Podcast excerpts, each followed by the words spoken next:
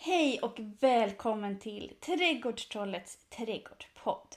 Jag heter Jasmin Vara och det är jag som skriver och driver Trädgårdstrollets trädgårdsblogg som numera också finns som podd. Och nu blir det reklam för egen verksamhet, för nu finns min kurs Färska tomater året runt online. Gå in på trädgårdstrollet.se kurser och föredrag om du vill veta mer, eller surfa in på skillbreak.com. I det här avsnittet får jag lära mig mer om kål av odlaren och trädgårdsläraren Lars Forslin. Och det här avsnittet spelades in den 15 juli, så ha det i åtanke när du lyssnar. När jag eller Lars syftar på att något ska eller kan göras nu i podden, då menar vi alltså i mitten av juli.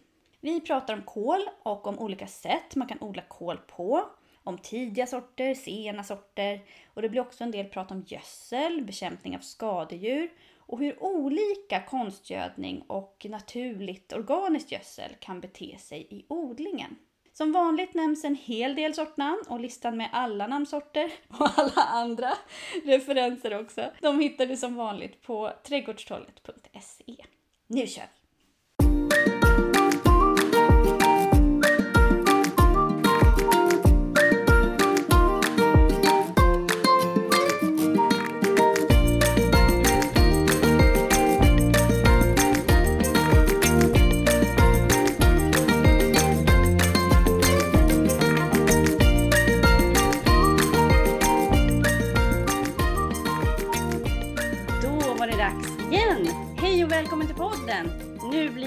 Avsnitt som många av er har väntat på och önskat sig. Jag brukar ju fråga då och då i sociala medier vad lyssnarna allra helst vill att podden ska handla om. Och då är det nästan alltid fyra förslag som återkommer och ett av dem är kål. Så idag ska vi prata kål, minsann, tillsammans med Lars Forslin. Hejsan Lars! Hallå där. Hur kommer det sig att jag vill prata om kol med just dig? Ja, det, Kan du svara det vet på det? Jag, det vet jag inte riktigt, men jag tror att det beror på att jag håller på att odla ganska mycket. Jajamensan. Och jag har hållit på med det länge också. Även om jag har haft mina uppehåll också med odling. Men eh, ja, jag började väl odla faktiskt. Jag tänkte på det idag. Jag tror att jag började odla grönsaker kanske 1983 eller 82 eller 83. Jag minns inte nu riktigt. Så du har hunnit odla dig igenom några kolsorter kan man Ja. påstå. Det kan man påstå, precis.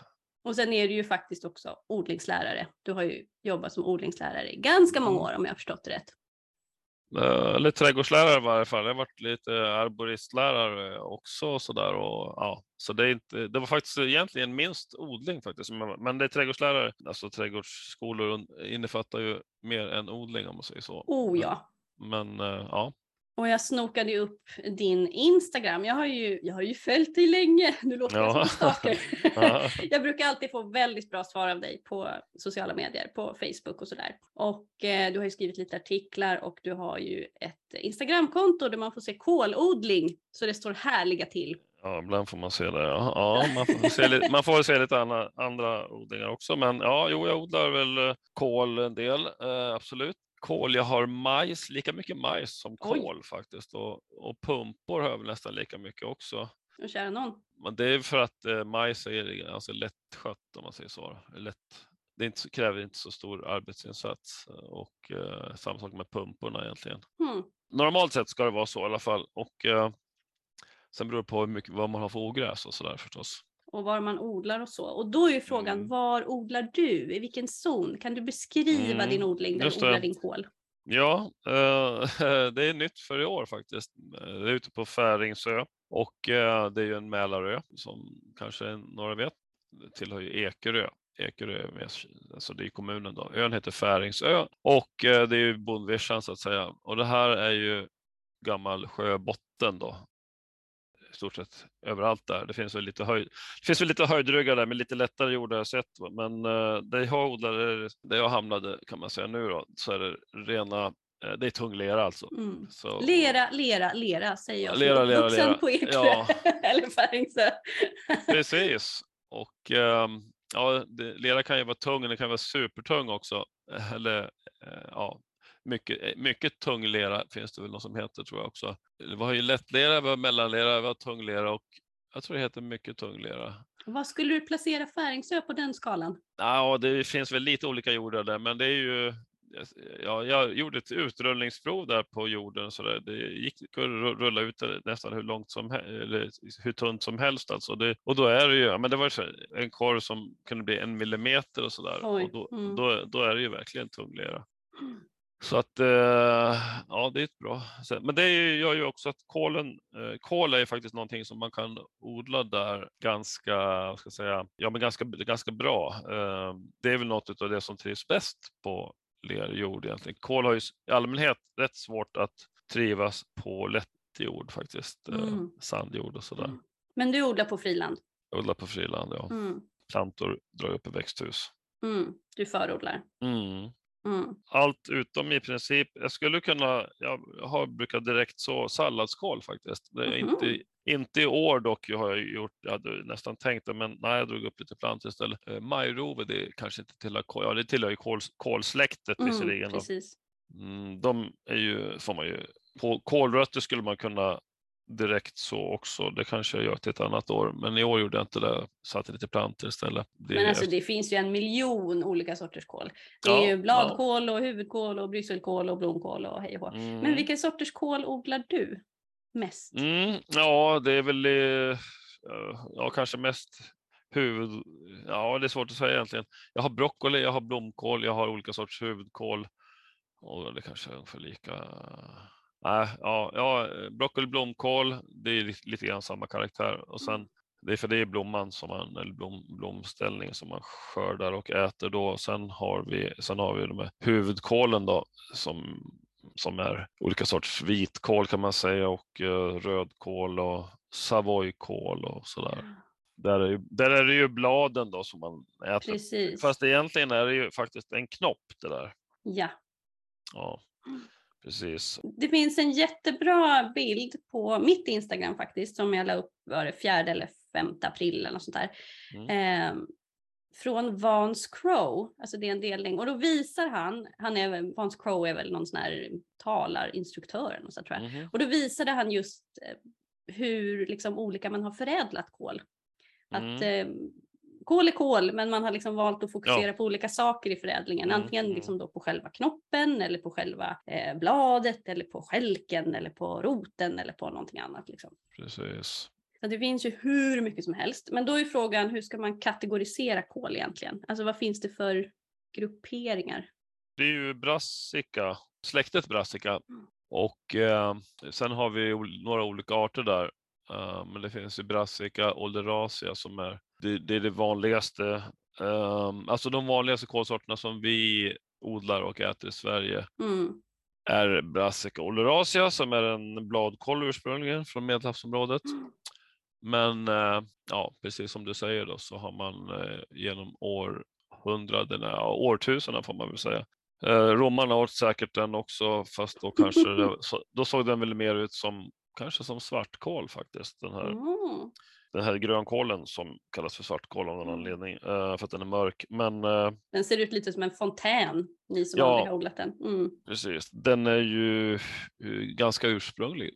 Alltså, jag, har, jag vet inte riktigt faktiskt hur brassicoloras ser ut om jag ska vara ärlig, den vilda arten. Men man kan hitta den efter sådär havsstränder då, vid Medelhavet. Mm. Och uh, den har goda blad naturligtvis då. Jag har ju strandkålen som vi kan hitta i södra Sveriges kuster. Strandkålen, den är också goda blad, men mm. jag tror den är fridlyst i Sverige. Ja, jag provade att odla den i pallkrage här nu hemma, Krambe mm. Maritima. Jäklar ja, vilka köttiga, goda mm. umamiblad alltså.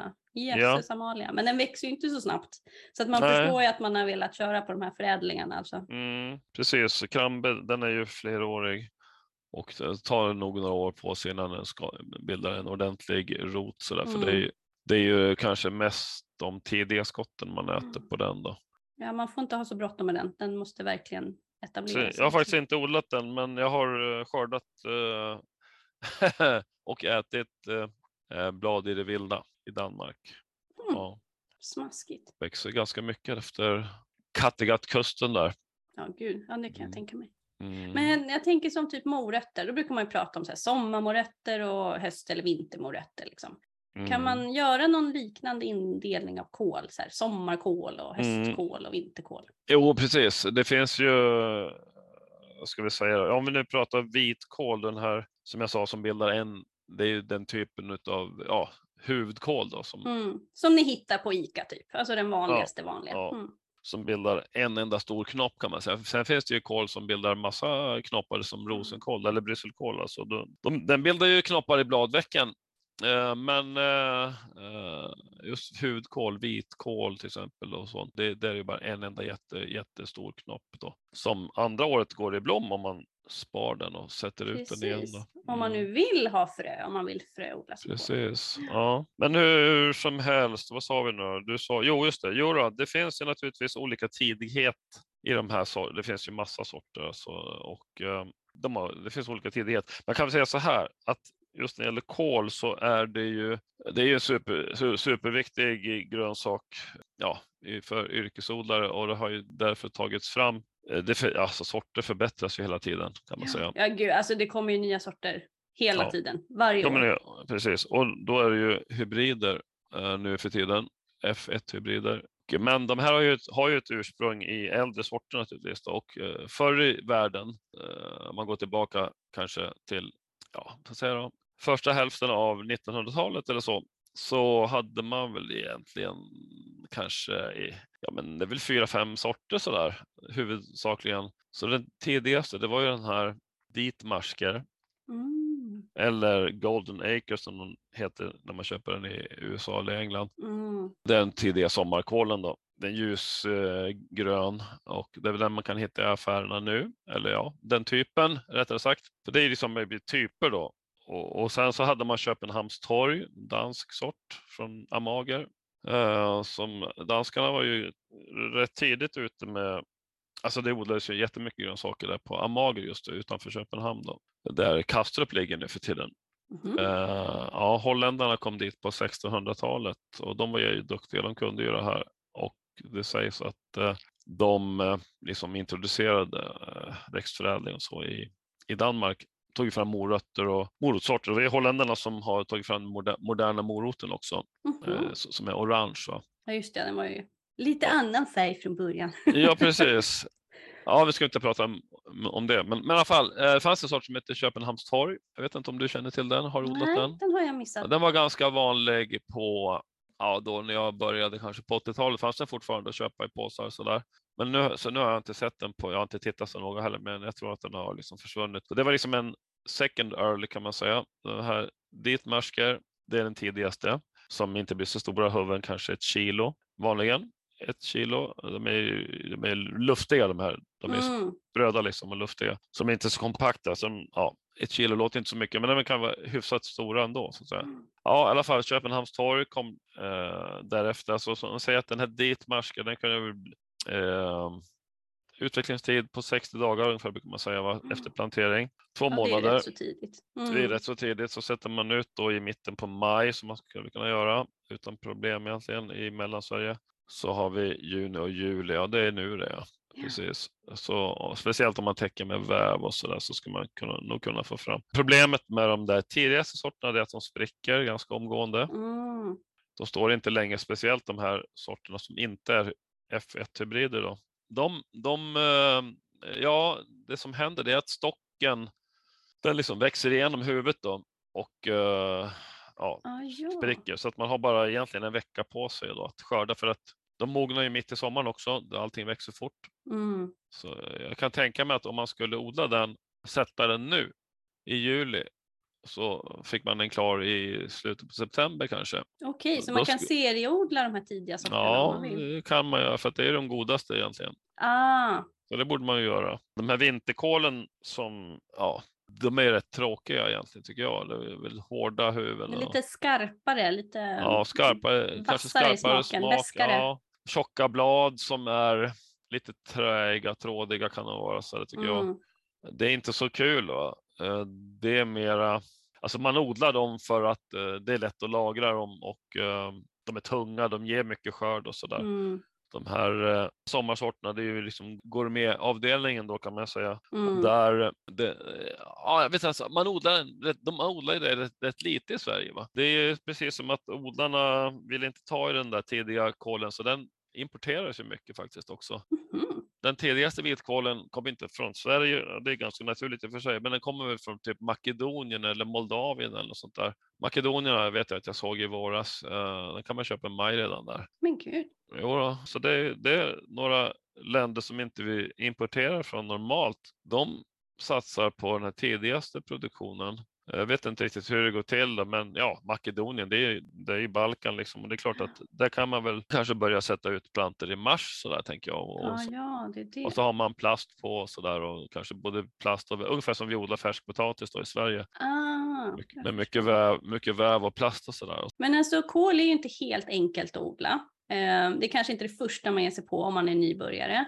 Men den är ju ändå så otroligt odlingsvärd. Varför har liksom kål fått den här superstatusen? Liksom? Varför, varför finns det så otroligt mycket förädlingar av kål? Och, och folk älskar ju kål så otroligt mycket. Det är jättemånga sådana här stora odlingsprofiler som älskar kål. Det är liksom deras Mhm. favorit säger de. Mm, Vad- är liksom det bästa med kål?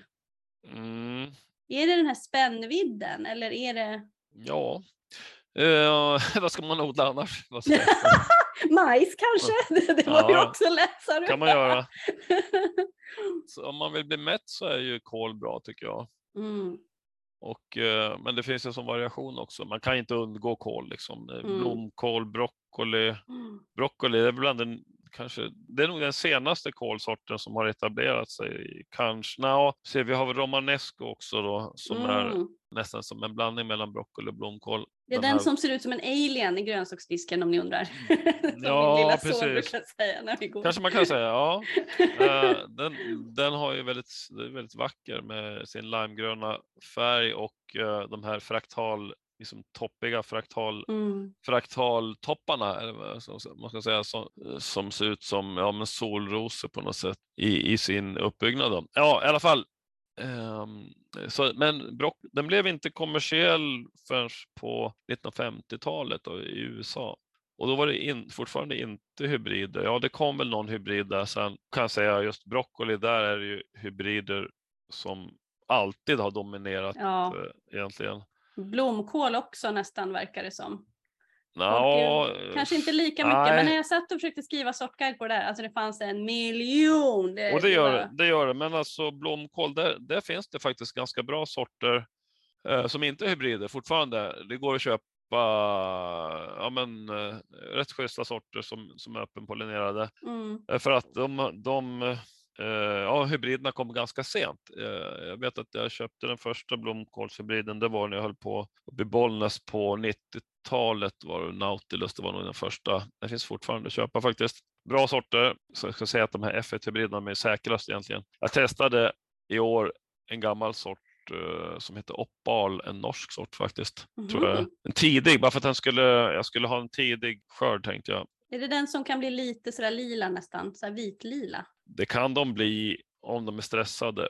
Och de kan, gå i, de, de kan bilda sådana här knappar också lätt och det gjorde mina. Eh, Jag missade lite gödsling där och då det är så här att de tidiga blomkålsorterna just då, de har ju en tendens att eh, inte vilja bilda ordentliga huvuden. De bildar huvuden för snabbt och eh, ja, blomkål är väldigt extremt krävande egentligen då, på näring och, och skötsel och vattning och allting ska gå som på räls. Nu var det första Mm. gången jag odlade på ett ställe. Jag visste inte någonting om näringsstatus i marken och så där egentligen. Jag gödslade för lite och eh, hela första omgången bara blev så fem öre stora huvuden. Va? Hoppla. Ja, eh, Men precis. man får prova sig fram, herregud. Jo, men det är Det är så. så man jobbar. Nej, men eh, det, man kan säga så här att det är ett visst antal blad som plantan utvecklar innan huvudet kommer. Mhm. Och om de där bladen inte blir stora nog, då blir huvudet litet också. Va? Mm. Ja, jag skulle ha vräkt på gödsel där, eh, vilket jag inte gjorde. Jag tänkte jag skulle avvakta lite grann och se hur det utvecklade sig. Men ja, av olika anledningar så fick jag inte av den där väven förrän eh, det var för sent egentligen. Då. Ja, och då, då hade ju huvudbildningen redan påbörjats. Och det, och det kan man väl säga då, det är någonting som, eller många av de som försöker odla blomkål första gången kanske råkar ut för det, eh, att det blir sådana här knappar som man säger då. Pyttesmå huvuden och eh, då ska man veta det att det är bara att eh, ja, det är bara att rycka upp dem där och, och sätta någonting annat för de blir inte större alltså. Mm. De har liksom ha, de har sin växtperiod, eh, säg att de är 60 dagar. När det har gått den här tiden och de har utvecklat de här antal bladen då, fast de blev pyttesmå. Då, då blir, Så alltså, timing är jätteviktigt. timing är jätteviktigt där och uh, gödsling och sådär. Det måste gå som på räls då, på de, speciellt de tidiga sorterna. De senare blomkålsorterna, om ni pratar, ja det är väl egentligen alla senare sorter faktiskt. De har lite mer tid på sig och uh, utvecklar också större plantor, kraftiga rotsystem Mm. och uh, det är inte lika bråttom så med näringen heller egentligen, utan det finns lite mer mån där. Va? Mm. Det är inte lika tajt om tid riktigt. Nej, de, precis. Så de, de tidigaste sorterna, det är de som är svårast Ja. faktiskt. Men lustigt, för ofta så, folk tycker ju ofta att det är tvärtom, liksom, att så sena sorter är mer svårodlade, men just med kål är det alltså tvärtom. Jag vet inte varför senare sorter skulle vara svårodlade, men ja, ja, det är om de inte skulle hinna kanske. Så kan Mm. det, så kan det vara. Precis, det beror ju lite på var i, var i Mm. landet man är. Men Ja, om man tänker på precis. bladkål då, finns det några Mm. riktigt bra bladkålsorter som du kan rekommendera som inte är F1-hybrider, om man nu inte vill Mm. odla F1? Ja, jag har inte odlat så mycket grönkål och sådär, men eh, jag har den här Dwarf Green Curled. Eh, ja, jag odlade det för några år sedan och ja, den var ganska, den är rätt låg då, öppenpollinerad sort som man kan liksom skära av hela plantan och sälja så att säga som, som en bukett så att säga. Jag vet att andra kanske plockar blad, ett och ett blad då från grönkål. Liksom underifrån sådär, Ja, precis. Mm. kanske gör, sätter ihop med gummiband och säljer som en... Och det är lite mer jobb med det kanske. Men eh, jag har faktiskt inte, ja, visst har jag odlat grönkål och så, men i, inte sedan jag började odla till försäljning egentligen speciellt mycket. Lite grann har jag testat det. Visst, det finns efterfrågan och sådär, men Spetskål då, den här Calibos har ju blivit enormt Mm, hypad. ja, Har du smakat den? Vad tycker du om den? Eh, jo, jag har nog odlat den någon gång, ja. Och den smakar väl bra. Jag har inte odlat så mycket spetskål, men i år så har jag mycket spetskål faktiskt. Jag tänkte att uh, satsa lite på det i år. Och då är det vit, eh, vit spetskål. Mm, Eh. är det den här Early Jersey Wakefield eller vilken är det du har? Eh, nej, det är någon hybrid eh, som heter Dutchman, tror jag den heter. Mm. Men det finns ju, ja faktiskt spetskål. Man tror kanske att spetskål är bara tidiga sorter, men det finns faktiskt eh, lite senare eh, så här stor, jättestora sorter också. Det finns ju något som heter Fiedler. Filderkraut, precis. Ja, just det. Och den kan väl bli 4-5 kilo tror jag. Sådär. Men den har jag aldrig odlat riktigt tror jag. Men eh, jag har sett någon som har lyckats med den. Den- ser ju häftig ut. Den är ju, vet jag, en halv meter hög ungefär och, eh, och eh, liksom, ja, den väger väl sådär 4 kilo tänker jag. Om den får plats då. Men om man nu vill ha en sån här dunderfeting, om man vill ha en sån här jättebjässe, vad ska jag gödsla den med då, då? Vad ska jag mata dem med? Kolen, ja precis. Eh, jo. För de är ju hungriga. Ja, de är hungriga, absolut. Och eh, det beror lite på var du, vad, dels vad du har för odlingsfilosofi och vad du har tillgång till och sådär. Och, eller de flesta människor kanske idag köper sin gödsel och, och då kan man ju välja på organisk eller oorganisk gödsel. Och eh, den organiska gödseln det blir då allmänhet hönsgödsel antar jag. Brukar vara Eller- höns eller ko, men det är ju hönsgödsel Mm. även i kogödslet nu för Ja. tiden. Så att, eh, mm. Precis. Precis, så att det i princip är det ju i, i kogödslet så är det ju hönsgödseln som ger näringen om man säger så. ja. Mm, och eh, vad sa vi nu då? Eh, jo, just det. Och sen har du den oorganiska gödseln och då är det ju, ja, det som man kallar för konstgödsel. Då. Och eh, ja, idag har vi ju det här med pyralider också. I och för sig är väl kol inte speciellt, ja, den är, inte, den, är, den är känslig på ett sätt kan man säga för pyralider om det är höga halter. Men eh, jag tror tomater är 2000 gånger känsligare har jag kollat upp. Eh, men eh, ja, är man orolig för pyralidskador så då får man ju gå på det som vi kallar för konstgödsel då. Och eh, ja, då är det väl den här 11 5 18 kanske Mm, Ja, en klassiker. med mikro Mm. som är bra. Man kan också ta gräsmattegödsel eh, som, in, som är 21 4 7 eh, plus svavel brukar det vara då.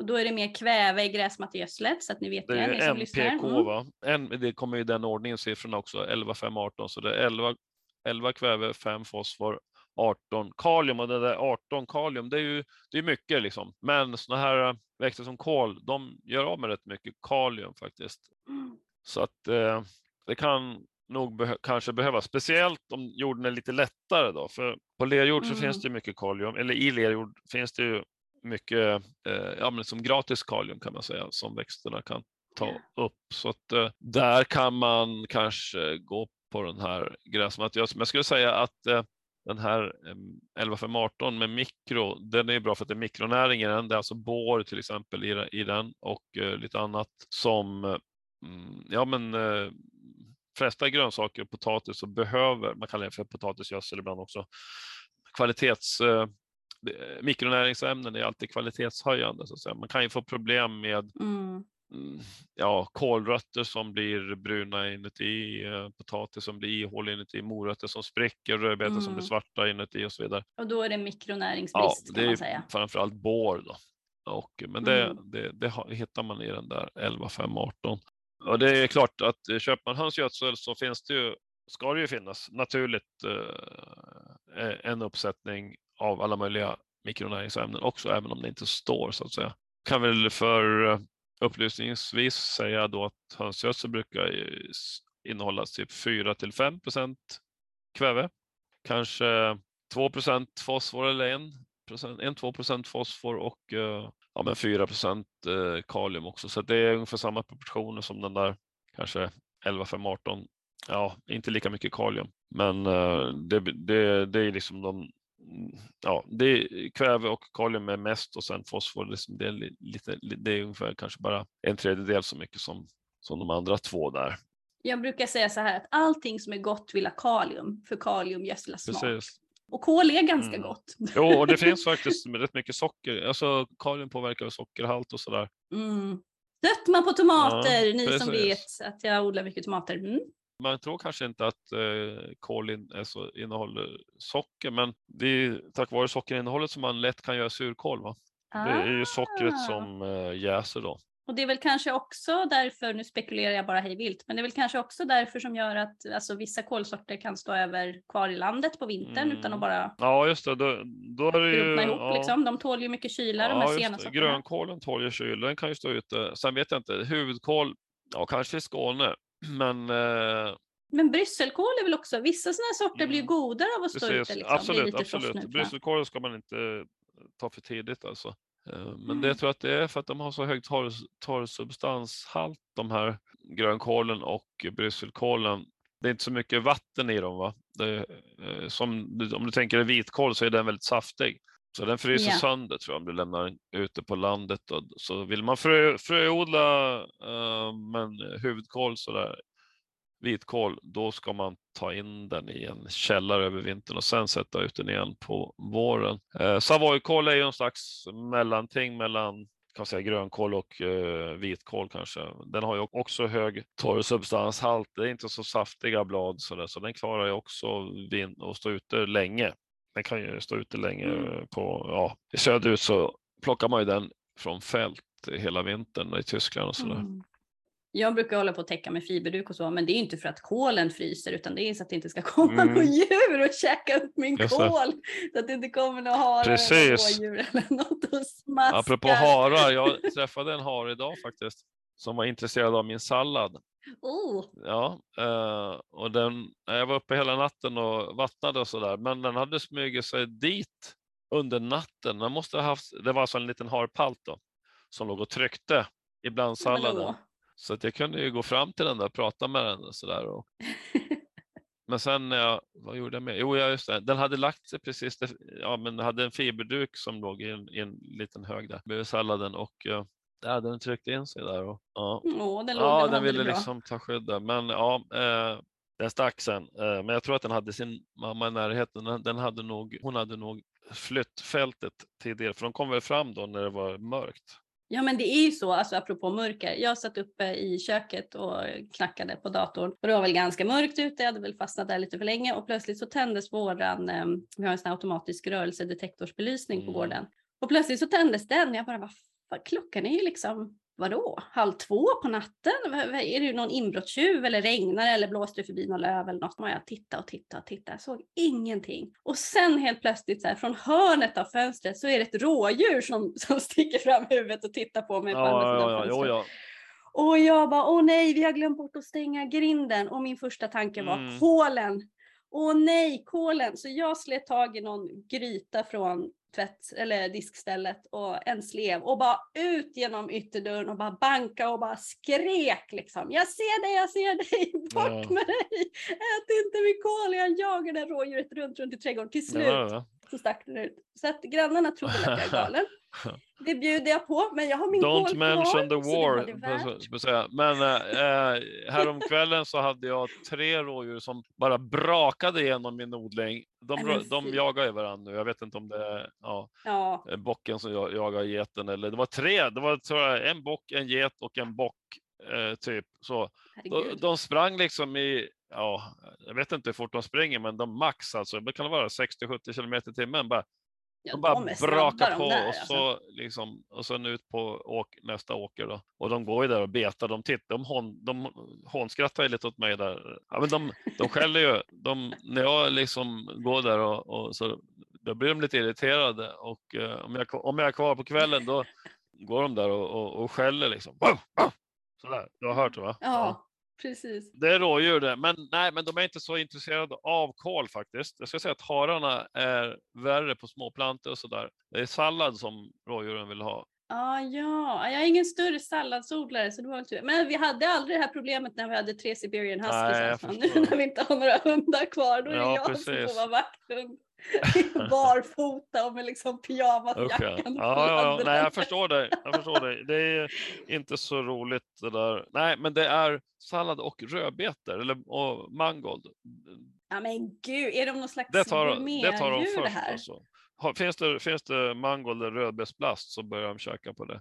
Ja, eh, Hmm. så kålen, ja jag tror, jag tror inte att de, de tycker nog den är lite för grov. Vet du. Eh, Rådjuren, de vill ha såna här späda ja. fina saker. Och majs, det är de inte alls intresserade av. Nej, men. Det är ju koföda liksom. Men eh, rådjuren, de bryr sig inte om det. De ska ha såna, jag vet inte. Majsen skulle kunna vara god egentligen om de bet av skälken och tuggade på skälken. Precis. För den är ju väldigt söt va, Man men eh, Ja men precis, man tänker ja, det jättemycket fattar socker i de den. inte. Men sen finns det ju en miljon andra skadedjur. Alltså gud, alla de här åh, Mm. fjärilar och skit. Alltså jordloppor. Vad, vad har du haft för problem med Ja, kolen ja, genom åren? Vad har du haft för skadedjur? Just nu så har jag nog en del fjärilslarver. Och ja, det, jag ska faktiskt spruta. Jag har köpt hem Turex. Mm, och de som lyssnar nu och inte vet vad Turex är, vad är är Turex? En, bakterie som man köper sporer tror jag att det är av. Och eh, ett som ett pulver, pulver ja, så blandar man med vatten Mm. och, och sådär. Och, eh, Och sprayar och spraya, sprayar och spraya, sprayar. Så när fjär, alla fjärilslarver är känsliga för den här bakterien så att får de in den i magen så dör de ganska omgående. Så, men sen har jag jordloppor på har jag sett också på kå- eh, som jag satte lite senare. Oh, vad gör Ja, du då? jag har lite Raptol också som jag kan använda eh, som tar det. För de, Turex biter ju inte på jordloppor. Eller det kan vara rapsbaggar också. Jag har inte tittat så noga. Men, eh, så att de här små, pyttesmå skalbaggarna som är ungefär, kan vara, två millimeter långa, svarta eller Mm. då är det rapsbaggar. Är de svarta med två lite ljusbruna ränder, då är det väl jordloppor. Och om de hoppar sådär. Och om de bits? ja, det gör de väl inte kanske. Men eh, nej, då biter inte Turex, va? utan de biter bara på fjärilslarver. Kolmal Mm. och kolfjäril tar ju Mm. Turex. Va? Så att, eh, när man ser att hela plantan liksom är nerät, en massa hål i den, då är det ju oftast kolfjäril eller rapsfjäril då, eller rovfjäril. Men är det eh, mm, liksom hål i blad, alltså lite mindre hål i bladen, eller så fönstergnag brukar man säga. Mm. Eh, ja, det hörs ju nästan på namnet vad det innebär. Då är det ju kolmal som har små gröna larver som sitter på undersidan av bladen där. Och den kolmalen den kan vara, den kan vara eländig. Vad sa du? Vad, frågade du vad min, det som jag hade haft störst besvär med? Jag tror, att det är jag tror att det är kolmal faktiskt. Jag kan dra den storyn. Det var 1994 så odlade jag, ja, sista året jag odlade i Bollnäs. Det blev sista året. Nej, vänta nu. 95, 95 eh, var det. Ja, hur som helst så satte jag 10 000 vitkål Ho! Ja, precis som jag gjorde året innan. Då, året innan gick det jättebra. Jag fick eh, toppenskörd faktiskt, verkligen. Vad gör man med 10 000 vitkål bara så här, by the way? Nej, man säljer dem helt Ja. enkelt. man lägger in dem i ett lager som jag hade gjort eh, ordningen en, lag, en laggård sådär, som, ja, där jag bodde. Då. Och, eh, ja, eh, så, så eh, sålde under vintern. Då. Men, och jag tänkte göra likadant sen. Tänkte jag, nej, men jag bryr mig inte om att lägga på väven i år. Det gick ju så bra förra året. Ja, i alla fall sen, eh, rätt vad det var så, liksom när man ute och gick i odlingen där, det hör till saken att jag hade börjat en anställning då. Jag hade väl på att avveckla lite grann mentalt också kan man säga. Så jag var inte riktigt närvarande. Men så när jag gick omkring i odlingen så liksom, eh, liksom svärmade runt fötterna på en. Så det flög insekter, små, små fjärilar som är, ja, åt alla håll när man gick där i odlingen. Det var alltså, bara i min odling var det alltså miljoner. Va? Oj, oj, oj. Ja, det, det, så de fanns överallt. Och eh, ja, sen efter någon vecka så var ju kolplantorna borta. Eh, och då på den tiden fanns inte Turex heller. Ja. Men hur som helst så läste jag sen något år senare, eller ganska många år senare, att det där året så var det så mycket kolmal att det syntes på radar. Så luft, Luftfartsverkets radaranläggningar. Eller mil- gud. för de där, eh, det kommer alltså stora, eh, jag ska kalla det för moln utav kolmal från Centralasien där, man har, där de övervintrar. De övervintrar inte i Sverige utan de flyger alltid in då. Det är olika år då så att säga som, så att det blir eh, ja, beroende på hur, ja, hur vindarna blåser och så där så, och kanske hur det kläcks hur mycket det kläcks där i, i om det, jag vet inte, i Centralasien säger man, det kanske är, det är väl bortåt Ukraina och så där i alla fall. Eh, Mildare klimat och eh, kanske där modlar mycket kol och, så, och raps och så där. Säkert. Men om man vill förebygga det här nu då? Om man, för Turex är ju kanske inte jättedyrt men det är heller inte jättebilligt även om det Ja. varar länge. Man kan ha det Mm. över ett år i kylskåpet, kanske till och med två. Ja. Ehm, men om man nu vill förebygga det här då? Mm. Om man Ja. inte har en radar kan Just se det, nej precis. precis.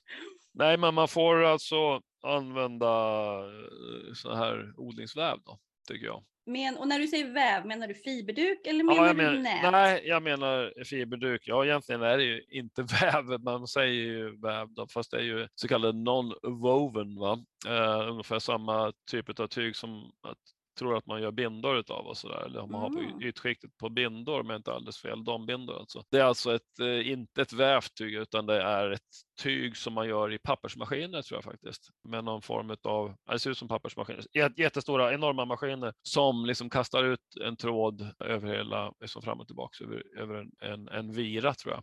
Jag tror att det är någonting sånt det går, så det går till. Och när ska det på då? Ja, det sätter man ju på direkt vid plantering helst tycker jag, för att då har man, eh, då har man ju det klart så att säga att det inte har kommit in någonting under, under den här duken kan vi säga. Fiberduk Mm. tycker jag är egentligen bättre ord. Så fort eh, man eh, tar av den så kan det ju komma någon fjäril och Mm. sådär. Sen ska jag säga att kolfjärilar är inte kanske jättefarliga egentligen. De tar enstaka planter skulle jag säga. Klart har man en liten odling så är det kanske enstaka planter om man har Mm. Om man inte har mer än kanske tio kolplantor. eller något Om man inte där. har 10 000 så... Nej, precis. precis. Det, Mm. det har jag inte nu heller kan jag säga, men, men jag hade det då. Eh, nej, men eh, det är inte alltså, så här. Man ser de här vita fjärilarna, de ser man flyga så där först vid midsommar ungefär, inte före midsommar skulle jag säga. Mm. Just av dem, eh, med tanke på dem då så behöver man inte ha jättebråttom. Men vi har den där kolmalen som kan komma Mm. tidigare. Mm. Och de kan komma i stora mängder alltså då och det är lite besvärligare. Då. Men, men, men eh, ja, lägg på, alltså fiberduken har så stora fördelar på många sätt. Eh, Plantorna de etablerar sig jättebra där under. Det blir vindstilla, det blir hög luftfuktighet, det blir varmt, inte för varmt. Det skuggar lite också. Det blir perfekt klimat där för att plantorna ska rota sig och komma igång och växa bra. Va? Mm. Men vad som är lite synd tycker ju jag då, min inre estetfascist tycker ju Mm. liksom att de här alltså näten och väven och fiberduken är ju Mm. inte jättesnygg. Nej, Men nej. kolen är ju jättesnygg. Mm. Nej, Ehm, men man kan, man kan ju ta av den här tycker jag när, ja, när det är dags för första liksom, hackningen. Så där. Rens, man får ju rensa lite grann också. Det beror mm. på vad man har för ogrästryck naturligtvis i sin Mm. trädgård och eh, ogrästrycket är ju också beroende av hur man har skött rensningen tidigare kan man ju säga. Då. Och det ena utesluter ju inte det andra. Man kan ju köra både Turex och väv. Alltså Ja, ja, om man är absolut. riktigt absolut. nojig. Absolut, Ja. det kan man göra. Och man kan skippa väven också. Det går, det går absolut att göra det. Då får man ha någon form av bekämpningsstrategi då. Men ändå att eh, fiberduken har så, det underlättar ju mycket. Om man inte använder den så får man ju ta och vattna plantorna man sätter ut dem. Eh, man får ju vattna det dels när man planterar. Sen kanske man får gå dit och vattna några dagar igen då för att Mm. eh, ja, de ska rota sig bra. Och kanske en tredje gång också. Mm. Och om du sprutar med Turex så spruta under bladen också. Ja, Hetstips. just det. alltså inte bara ovanpå. Och var inte snål med väven. Ja. Alltså ingen sån här spänd väv. För sen kommer den här kålen och växer så himla mycket så allting bara lyfter och så blir det världens gripor på sidorna. Det är en Mm. klassisk det. rookie mistake. Jag talar av egen erfarenhet. Snåla inte med väv. Ja, du menar att man ska lägga en lite slack sådär? Ja, så att det finns lite växtmån där. ja, just det. Min erfarenhet är väl ändå att den töjer sig faktiskt lite grann. Jag kan säga att det beror lite på hur, vilken kvalitet på väven man Ja, har. just det. Det gör det säkert. Jag tror att den här väven man köper i bitar, den är inte så speciellt. Nej, du har helt rätt. riktigt kass tror jag faktiskt. Mm, rulla är bättre. Rulle är bättre, men det är klart, då är det större mängder och sådär. Sen är det klart att har du en eh, väv som är 10 meter bred så kan det ju töja sig mer än en som är kanske 2-3, det finns ju 2-3 meters bredd också. Mm. Och då är det klart att eh, ja, samma procentuella töjning ger ju inte lika mycket då. Mm. Så att säga. Så att, eh, ja, men jag brukar lägga den ganska tajt, men då har jag 10,5 meters bredder då, så att det blir, då blir det ju lagom att de Mm. kan eh, liksom vä- växa upp till ganska stora plantor. Men eh, faran med, med fiberduk, det är att man, ja, det här, man brukar säga out of sight, out of mind. Va? Mm. Så att när man tar av då den här väven lite för sent kanske, så, eller duken då, lite för sent så har man massor med ogräs där under också. Mm. Ogräset gror också väldigt bra där under i den här miljön och växer väldigt snabbt. Så ja, ha, man måste ha koll. Man måste faktiskt tänka sig att lyfta på den där, titta ibland och rensa faktiskt. Mm. Eh, Och sen kan man lägga, lägga tillbaka den. Men jag brukar säga att eh, ja, är plantorna liksom, vad ska vi säga då, tefatsstora eller lite större kanske, tall, säg tallriksstora då, när man lyfter av fiberduken så då kanske man inte behöver lägga på den igen. Mm. Men, men det är en smaksak alltså. Man kan ju flytta den till nästa omgång. För man, kan, man sätter gärna flera omgångar, till exempel broccoli då. Mm. Oh, apropå sätta, hur tätt sätter du plantorna? Vad har du för planteringsavstånd ungefär? Mm, ungefär, precis. Idag, ja, eh, jag, jag, sätter, jag sätter all kol i, vad ska vi kalla det för, ett system där jag har 40 centimeters radavstånd. Men jag sätter, sätter jag två rader, sen hoppar jag över en rad, sen sätter jag två rader igen. Och då blir det snittavståndet blir 60 då. Mm. Och om man då som jag, ehm, en del odlar ju då i pallkrage och du odlar ju Mm. på betydligt större ytor än så Mm. på ett helt totalt annat sätt. Men om man Ja. då föreställer sig en pallkrage som är nästan en Mm, kvadratmeter. det, är en, det är ganska precis en kvadratmeter. Det är Ja. väl, ja. Det skiljer några millimeter, men ja. Ja, det ska jag säga att då kan man väl klämma in sex plantor där, va? tre på varje sida. Liksom. Mm. Då har ni något att gå på där. Men sen Mm. klart man kan sätta tätare om man ändå vill gallra liksom sen. Då, Ja, just det. Men, Jo, men om man nu skulle gå bananas och tänka så här, nej men oh, jag hade ju tio planter och nu har jag inte mer plats här så nu trycker jag Mm. i tio planter. Ja, det går Vad händer också. då? Hur beter sig kål som står för tätt?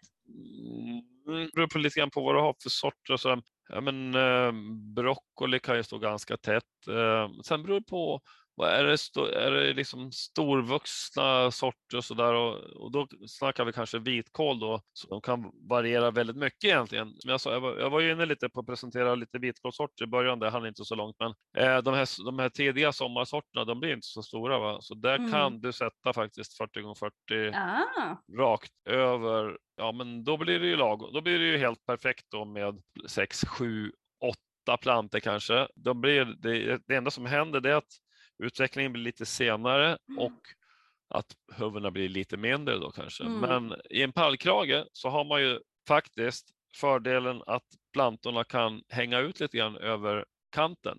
Så man får egentligen mer än en kvadratmeter. Alltså ytan som de växer, växer i, den är en kvadratmeter. mm. men, 120 gånger 80, en vanlig stor pallkrage. Mm, ja, normal. precis. Exakt. Men i alla fall lite högre sorter, de väljer ju över kanterna så att säga. Så de utnyttjar ju egentligen lika mycket plats till då om du, om du har en, en, eh, ja, någonting som växer upp ordentligt va? och hänger utanför då, så att säga. Så, så de får ju mer ljus än på den där kvadratmetern. Så att, eh, det gör att man kan sätta tätare eller fler plantor i en pallkrage. Alltså man behöver inte vara slavisk där så att säga. Men om det är sena sorter, kanske ja, sex plantor då, då? Då kan ju precis, då sätter man eh, för många plantor då så försenar man ju utvecklingen och sen Ja, och, det går ju också att göra det till en viss gräns kan man väl säga. Mm. Eh, faktiskt. Men jag sätter då tre plantor per meter ganska precis och har då 60 centimeters radavstånd. Så att, eh, vad blir det då? Jag vet inte hur många plantor det blir per kvadratmeter. Kan du räkna ut det? Nej. jag önskar jag kunde, du frågar fel person. Jag och siffror är inte kompis. Jag ska se här, jag kan, jag kan ta fram miniräknaren. Jo, man får ju räkna då ett genom va? Eh, blir det inte så? Vänta nu, eh, måste tänka lite här. 60 centimeter, det är ju då 0,6 eh, och sen trycker man på ett genom va? Då är det 1,67 plantor på, på den ledden och sen hade vi tre på den andra ledden, va? i tre i raden. Så 1,67 gånger 3 då, så många plantor har jag. Det är fem, fem plantor per kvadratmeter kör jag. Mm. Och eh, det blir alltså 50 000 plantor per hektar. Tittar man på såna odlingsanvisningar för yrkesodlare så står det alltid per hektar. Mm. Och då står det 50 000 plantor per 40, 44 000 brukar stå så här, kanske mm. upp till ja, men kanske 60 70 000 och så där, beroende på vad det är för sorter. Det brukar stå så här, angivelse för sorter då. Mm. Lämpligt plantavstånd då. Men eh, då får man dividera det med 10 000 så får man, så får man ner det till per kvadratmeter helt enkelt. Så står det 50 000 så är det fem plantor per kvadratmeter. Ja. Så är det. Så att, och det gäller även gödslingen. Eh, gödsling, när man läser böcker och så där, i alla fall för yrkesodlare, så står det ju gödslingsanvisningar för, per hektar. Ja. Och då står det kanske att kålen, eh, blomkålen ska ha 250 kilo kväve per hektar. Mm. Ja, då får man dividera det också med 10 000 för, för, för att få reda på hur mycket det ska vara per kvadratmeter. För man kanske har, man kanske har 100 kvadratmeter, man kanske har 10 kvadratmeter. Mm. Ja, men det där, ja, det där är ganska kul att räkna lite på faktiskt. Men det är inte så lätt att vara hobbyodlare därför att alltså, det känns som att, alltså, precis som du säger, det är så mycket av de här råden, både på påsar och på, alltså, oavsett om det är fröpåsar eller om det är gödselpåsar eller vad det är för någonting det är inte alls riktigt anpassat för hobbyodlares ytor. Men eh, köper man till exempel hönsgödsel och även om man köper pås, påsar med konstgödsel så stå, brukar det stå lämplig dosering kanske per 100 kvadratmeter eller per kvadratmeter. Och då mm. är det ju det där är nog bra om man kollar upp det där så man får en mm. känsla för i början för hur mycket det ska vara liksom. Och, och framförallt vad de innehåller. Läs på påsarna. Läs på mm. påsarna människor. Men, men, men, jag tänker liksom att man får en känsla för hur mycket, hur mycket som ska ut. Va? Mm. Uh, sen kanske man inte behöver räkna på det varje gång som man har gjort matematiken en gång eller några gånger. Då, då har man kanske läst, man har varit noggrann och sen har man sett hur det har gått. Det har, mm. har det vuxit eh, för dåligt, ja då kanske jag gödslade för lite i alla fall då, då. kanske får mm. öka eller. Man får lite det... känsla för det. Men hur ja. ofta gödslar du då? Vad har du för intervall på din kolgödsling ungefär? Ja, det brukar bli två gånger egentligen. En gång vid plantering eller jo, det borde man göra. Jag gjorde inte det i första omgången i år för jag trodde det var gödslat kan man säga. Men oh. hur, som, hur som helst, man kan lägga hela givan om det är tidiga sorter då om man har till exempel, ja, det beror på vad man pratar om också. Pratar man organisk gödsel så tar ju mm. den tid tar, tar den tid på sig att bli tillgänglig för växterna också. Då ska jag säga, då får man eh, absolut lägga hela givan i början om det inte är väldigt sen kol, vinterkål så där möjligen, så då kan, man, mm. då, då, kan man skarva på med gödsel mitt i sommaren också. Men eh, för broccoli och så där, som blomkål där allting ska gå som på räls, där eh, ska man absolut eh, ge alltihopa vid plantering tycker jag. Man kan ju också täckodla mm. och då många som använder gräsklipp och så där, klart, och då lägger man ju då ordentligt då kanske vid plantering, men man kanske inte har tillräckligt med gräs då, utan då får man ju bygga på med mer gräs.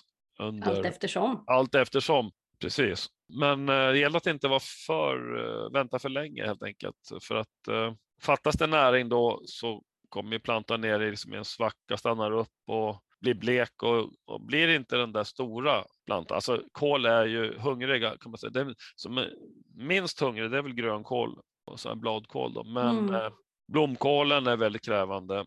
Eh, broccolin är också ganska krävande. För det är så pass korta kulturer kan man säga och de måste ha näring finnas liksom hela tiden. Mycket. Mm. Vitkål är också tidig. Om den är tidig så ja, jo, då ska det finnas mycket näring också kan man säga. Men eh, sena vitkålen, senare vitkål kan alltså, det kan man dela upp givan lättare utan att det sätter ner avkastningen. De har ofta större plantor, stora blad, kraftiga rötter som hittar mm. näring bättre själv också. Man kan säga så här att om man använder sig av organiskt gödsel så tar det längre tid för det att bli mm. tillgängligt för plantan och om man ja. använder sig av konstgödning så går det snabbare. Precis. Men det tar också slut snabbare. Kan man säga. Ja, jo, det kan man säga. Man brukar säga att det tar ungefär två veckor för hönsgödsel att bli tillgänglig. Mm. Sen beror det på om du, hur mycket du vattnar också. Såklart. Mm. Mm. För vad är för temperatur och... Mm. Ja, temperatur och sådär. Men äh, lägger du på ja, kalksalpeter till exempel som är mm. extremt äh, lätt, upp, mm. lättupptagligt så ser du ju det efter två dagar så ser du en tydlig skillnad om du har i alla fall om du har tillräckligt med fukt i marken. Då. Mm. Om du vattnar på lite och sådär så nu säljs inte kalksalpeter så ofta, men annars är det bra, ett bra kvävegödselmedel som också höjer pH, vilket kan vara en fördel för kol faktiskt. Kol har ju också, du frågade mig om det största problem eller skadegöraren med kol. Det kan faktiskt vara en svamp också som heter klumprot. Va? Ah, och då kan det ju vara skönt att känna till att det faktiskt finns sorter som har tagits fram då för att de ska tåla det där lite bättre. Men alltså klumprotsjuka är ju ett riktigt elände. 20 år kan väl den där svampen ligga kvar i jorden eller mer? Mm, ja, det är väl något sånt uh, precis. Jag, jag, jag lyckades odla fram klumprot uh, uppe i Bollnäs där jag höll till. Åh fy! Jag noterade att det fanns klumprot i jorden när, första gången jag odlade där, för då hittade jag ogräs med, med klump mm. på, på, roten. Va? Så penningört var det väl som fanns ganska mycket där och det är ju en kolsläkting också. Så penningört och lomme kan ju angripas av klumprot. Så ser man det så, som, klumpa, som att klumpa på ogräsrötterna där, då, då har man klumprot. Va? Då ska man vara väldigt försiktig. Med, och vad gör man då, förutom att gråta? Vad gör mm, man? ja, man ska, vara, man ska ha långa intervall mellan kolgrödorna så att säga. Mm. Eh, jag gjorde, jag gjorde tvärsom. Jag, eh, ett år hade jag tidig blomkål, skördade av den i början på juli. Sen fräste jag ner den och planterade salladskål. Och eh, både blomkål och speciellt salladskål är ju magnet för klumprotsjuka. Så att eh, jag fick väl en hundraprocentigt tillslag nästan på salladskålen där på klumprot. Så, den, så jag förökade upp den ordentligt. Ja, eller ja, jo, det vart nog skörd på den där salladskålen, men sen efter det jag märkte det att jag drog upp, alltså vissa av de här salladskålsplantorna börjar vissna och när man ser kolplantor som börjar vissna så här års, eh, sloka med bladen och sådär, då ska man rycka upp en planta som slokar och kolla för då har man någon form, det ser ut som jordärtskockor på rötterna. Va? Mm. Då har man klumprotsjuka och ja, nej, det är inte så kul. Eh, då har man eh, då har man kanske inte sett varningstecknen riktigt tidigare heller. Men eh, nej, det, det, då, då får man faktiskt hålla upp kanske en sju, åtta år minst innan man provar nästa gång. Mm. Och kom ihåg också då att det här är alltså en svamp så att det, är, det följer med jord, det följer med redskap, mm. det följer med skor, det följer med allt Precis. som ni liksom hanterat den här jorden med sitter klumprotsjukan på. Så är det. Så, och, men man kan säga det att den är väl, trivs väl i tunga, dåligt dränerade jordar, trivs den här svampen, säger man. Men jag har också sett klumpblåttsjuka på lätt jord. Va? Men, mm -hmm. men eh, jag har mest sett den på ganska täta jordar, eh, leriga jordar mm. eller mjälarjordar som också kan vara rätt täta, som nära diken och sådär. Eller, eller, eller rättare sagt i svackor och sådär kan man säga. Mm. Där kan den trivas bäst egentligen. Mm markpackning verkar kunna gynna den också. Ja, markpackning typ när man kör med tunga maskiner på. Ja. Odlar man en pallkrage så är inte det så Nej, och det fina med att odla i ja. pallkrage kan jag också säga att ja. om man emot förmodan skulle drabbas av det där eländet så är det ju ganska så simpelt att liksom göra sig av med den jorden, alltså gräva upp och lägga i säck och liksom ta bort de där pallkragarna och bränna. Alltså det är ju lättare att liksom sanera om man nu skulle råka få, för det blir på en mer begränsad yta så. Visst är det så. Sen finns det mycket annat negativt med pallkrage, men det finns banne med positiva saker man också. kan, by, man kan byta positiv. Mm. jord alltså. Det, ja, det, det kan man ju inte alltid om man har ett grönsaksland. Annars så är jag väl, jag vet inte om jag ska polarisera så, my- så mycket, men jag har väl lite svårt för pallkrageodlingar. Det är många som har det och jag kan säga så här att jag odlar både i pallkrage och på friland och i kruka. Och Mm. skälet till att jag gör det är för att vi har så otroligt stora stenbumlingar i marken. Alltså. Mm. Det går Ja, ja. inte att ta sig neråt och då får man bygga uppåt. Det Ja, är liksom Så är det. det. Sättet. Och sen är det ju kul, alltså man kan sätta ihop dem i roliga former och sådär. Man odlar med barn, man kan bygga en stjärna eller en blomma eller ett hjärta. Jo. Eller man kan bygga rum och hi och hå. Liksom. Precis. Ehm, Men eh, som yrkesodlare, ur ett yrkesodlarperspektiv så har jag full förståelse för att man ja, ja, liksom precis. Nej, men, kanske eh, tycker att det är lite... Men, men det byggs ju också, idag byggs det ju hus där det inte finns jord egentligen. På, Ja. Ja, det kan vara häll, hällmark, skogsmark eller vad som helst egentligen. Så att då får man ju hitta på något annat. Då är det ju försvarbart kan jag tycka också. Men har man en frodig fin gräsmatta och bara det liksom så då skvallrar ju det om att här finns det möjlighet att odla liksom om man. Potential, vi kallar Ja. det inte för gräsmatta, vi kallar det för Ja, potential. ja, det kan man väl göra tycker jag. Ja. Men om vi ska återgå till kolen här nu då, alltså, Mm. vad är det som gör en bra kolsort till en bra kolsort? Då? Vad, är, vad är de mest önskvärda egenskaperna man vill åt? Är det bara det här att de inte ska sätta knapp liksom, eller är det något annat? Mm, ja, alltså det är väl, eh, odlar man för eget bruk så är det ju, och det kan ju också vara, om man odlar för försäljning så vill man ju ha goda produkter att sälja naturligtvis. Om man inte säljer bara så här helt anonymt. Va? Men, så att eh, den eh, säger jag, kulinariska kvaliteten är ju viktig. Va? Mm. Och det finns ju, jag, jag nämnde ju lite grann här om att de här tidiga, till exempel vitkålsorterna, de, de är ju spröda och ja, en bättre arom tycker jag också. Mm. Har du några smakfavoriter som du liksom återkommer till som du måste liksom odla regelbundet för att de är så himla goda? Ja, men jag har väl provat sådana här som man kallar för gourmetkål eller alltså jag vet inte om det finns någon vedertagen benämning, men gourmetkål har ju hängt med lite grann sedan Lindblom införde det Mm. begreppet någon gång på 80-90-talet. Ja, men liksom lite mjällare, mjällare kål fast den kanske inte är supertidig då. Mm. Eh, och på senare år så har det kommit en del sorter som är så här plattrunda Mhm. plattrund vitkål. Det har funnits förut också, men nu har det kommit hybrider av de här. Och, eh, jag har sett att på till exempel Lidl så säljer man under, under beteckningen medelhavskål. Jag vet inte om den har Jaha. någon, någonting med Medelhavet. Nej, men de, Lidl köper faktiskt mycket grönsaker i Sverige. Det är någon svensk odlare som har hoppat på dem där och det finns någon sort som heter Sweetie, det finns någon sort som heter Field Winner som bägge är bra tycker jag. Field Winner kanske är ännu bättre, men och det finns någon som heter Atlas heter det väl också, en tidigare variant av de här jättegoda verkligen. Men det är ganska plattrunda då, ser ut som en svamp nästan kanske man kan Åh, säga. De är inte så klotrunda i huvudet utan, utan tillplattade. Men tittar du i någon äldre katalog eller Runeberg som säljer, inte säljer hybrider så hittar du en som heter Holsteiner Platter till exempel. Aha. Så att det, jag tror inte att det har så mycket med Medelhavet att göra. Jag tror att det är egentligen bara formvarianter på. Men det är möjligt att eh, man här har lyckats kombinera då. Ja, alltså när man, när man gör hybrider så tar man ju gärna då någon. Man tar ju gärna korsar liksom lite extremer kan man säga Mm. kanske har korsat någon tidig sort med någon sen sån där platt sort då tänker jag och fått fram någonting, något, ja, en, en spröd, spröd och god, ganska storvuxen kan de bli. De kan bli, jag har fått huvuden som var så här 8 kilo på de där. Det är större än vad man önskar normalt så att säga, men sådana här huvuden som hamnar liksom i slutet på en rad så de får väldigt mycket plats kan bli jätte, jättestora verkligen utav de här sorterna. Har du provat den här thousand head? Finns det en sort som heter. Nej. Och den ska tydligen få alltså helt bisarrt långa blad, typ så här 90 centimeters långa blad. Jag har aldrig provat den själv, men jag tycker att det låter väldigt spännande. Vad är det för typ av kål? Eh, ja, jag tror att det är någon slags, alltså den, på svenska brukar den kallas för gigantisk kål. Och jag har aldrig sett alltså, bild på en hel planta. Jag har bara sett när de håller upp enstaka blad så på bild. Så Ja, men det är en bladkål. Det är en Jag tror bladkål, det. Alltså. Ja, typ en grönkål eller någonting sånt. Ja, jag tror det. Men den är inte liksom krusblad, det tror jag inte. Utan jag tror att den är Nej. som mittemellan. Alltså Ja, så vagt vågiga, buckliga Ja. blad. Liksom. Det finns ju någon som de odlar på Jersey va? Som de gör promenadkäppar utav. Ja, Jersey Walking Stick. Ja. Är det den du tänker på?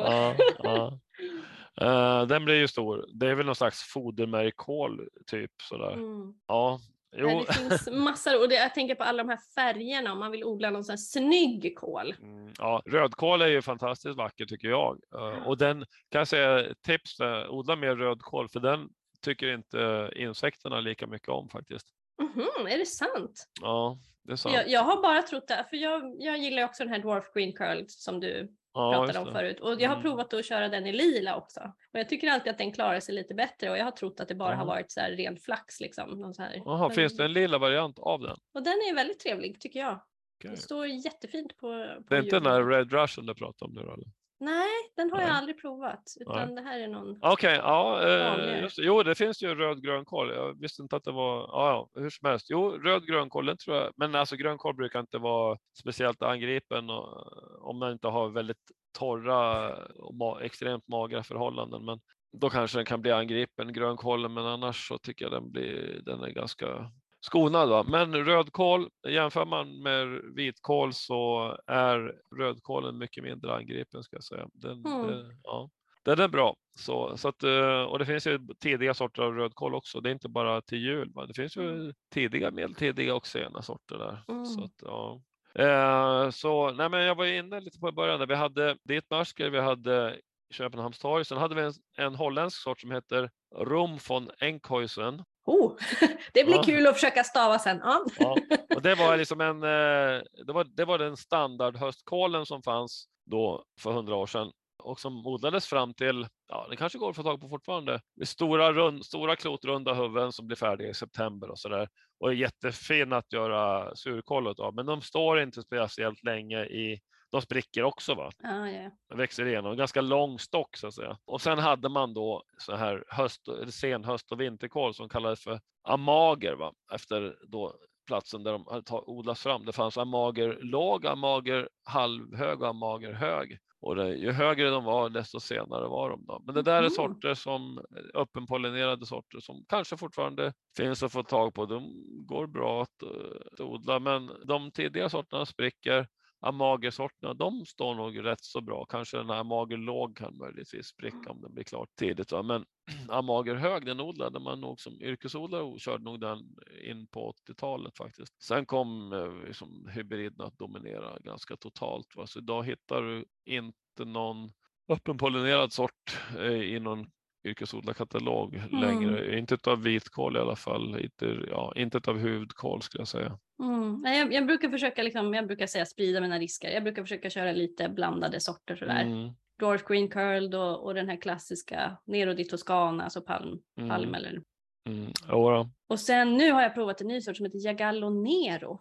Mm. Har du provat den? Just. Nej, har jag inte, men jag tycker jag känner igen namnet. Den är väl ganska lik den där, ja, Toscana. Ja, ganska. Den ser ut lite alltså, nästan som rucolablad. De är liksom Aha. delvis flikiga. Ja, ja just men i det. övrigt är den väldigt lik Toscana. Mm, just det, jag har nog sett den odlas någonstans. Ja. Och den sägs ju vara väldigt god. Vi får väl se om Mm, det stämmer ja. eller om alla Mm. larver hinner före mig. ja, just det, precis. Ja, sen har vi inte nämnt kålrabbi som. Är en, eh, ja, lite förbisedd kanske. Det har man sagt i många år nu att den är förbisedd. I år odlar jag inte någon kålrabbi. Jag har inte odlat på rätt länge faktiskt. Jag odlade uppe i Bollnäs där på 90 80-90-talet så odlade jag rätt mycket kålrabbi faktiskt. Och det, gick ju, det går ju bra. Va? Den är snabb också. Den, ja, den är så här 50 dagar ungefär efter Okej. utplantering. 55, 50, 55. Det finns ju sorter som är senare också, 60 sådär. Det beror på helt enkelt eh, hur länge man låter dem stå också. Hur stora man låter dem bli då. Men om man är en glad nybörjare, fi- finns det några Mm. kolsorter som är lättare för en nybörjare och några som kanske är lite svårare som man kan vänta lite med? Eh, Till ja. exempel då, du sa broccoli var ganska Ja, lätt den, svå- ja, den svåraste så att säga är brysselkål faktiskt. Ah, För den är, den är sen, den kräver en jämn eh, liksom, tillväxt. Inte för mycket kväve faktiskt, utan eh, men när det är en lång växtperiod och vill ha liksom lite lagom mycket hela tiden. Då. Får den för mycket kväve så blir de nedersta liksom, rosetterna då, de blir väldigt stora, fluffiga och sen de övre, ja, de, de blir väldigt ojämna i storlek då. Mm. Så de kanske blir, öppnar sig till och med och sådär. Eh, men det beror också mycket på sorterna i och för sig. Mm. Men jag ska säga brysselkål, den passar bäst att odla i Bryssel faktiskt, ärligt talat. Ja, men det ligger någonting i det där. De kommer ju där från, Flan mm. från vet du, Flandern. Va? Ja, precis. För att de har sådana extremt långa fina höstar där och vintrarna ja. är milda så de, de, kan ju låta dem där stå ute hela vintern och sen går man ut och plockar in det man ska ha efterhand. Så att eh, på poldrarna där i Holland så odlar man ju jättemycket brysselkål och där det funkar det ju väldigt, väldigt bra. Va? Det är svårare i Sverige, men det går att odla i Sverige också. Mm. Det finns ju svenskodlad brysselkål att köpa till jul och sådär, men kanske inte så mycket längre fram egentligen för att det blir för mm. kallt. Då. Men om jag bor i norra delarna av Sverige då? Ska jag bara satsa på kortare, snabbare ja. sorter då? Uh, ja. Och skippa brysselkål och bara ja, köra liksom... alltså det, det, finns väldigt tidiga sorter av brysselkål också. Mm -hmm. och då är och då är, ja, men det finns någon hybrid och sådär som, som man kan prova. Jag odlade i Bollnäs uh, brysselkål. Det gick ju liksom, men det, det blir ju inte sådär, den där kvaliteten tror jag kanske som du, som du har i, i, i affären. Liksom. Mm. Det blir inte optimalt som vi brukar säga. Nej, det blir väl inte optimalt. Va? Nej, men som du sa, broccoli, den är, det tycker jag är bra men då ska man faktiskt undvika, tycker jag, de här gamla sorterna för att de, de ger för dåligt. Alltså. Det, det är inte värt besväret, ska, tycker jag. Eh, det blir små huvuden som inte alls liknar de här som vi är vana att köpa. Va? Mm. Men de här broccolirybs då? Vad heter det? Broccolirybs, är inte det sån här typ att det ger jättemånga små buketter? Det blir aldrig en stor jo, blomknopp som ja, man skördar utan det blir liksom som en liten... Du menar de här, de här lila, de här som är lite violetta eller? Ja, de är ofta det, precis. Mm. Det är någon slags vinterbroccoli som Jaha. kommer från Australien tror jag, eller någonting sånt. Jag är lite osäker, men eh, där planterar man den på hösten och det gör man eh, i lite varmare länder kan man ju plantera kål på hösten. Mm. Och det gör man i Frankrike, planterar man blomkål i september okay. som man skördar i mm, ja, maj. Alltså det är så svårt för oss att föreställa sig, för alltså vi som har en så totalt liksom mm. annorlunda odlingsförutsättningar. Ja. Jo, egentligen så är ju vintern den rätta tiden för att odla kål faktiskt, ja. Ehm, eftersom den tycker inte om värme. Mm. Broccoli som, som du sa, broccoli då, som eh, blir utsatt för de här värmeböljerna som vi kan ha va, med 30 grader värme. Så det kan vara svårt att eh, hålla kvaliteten där.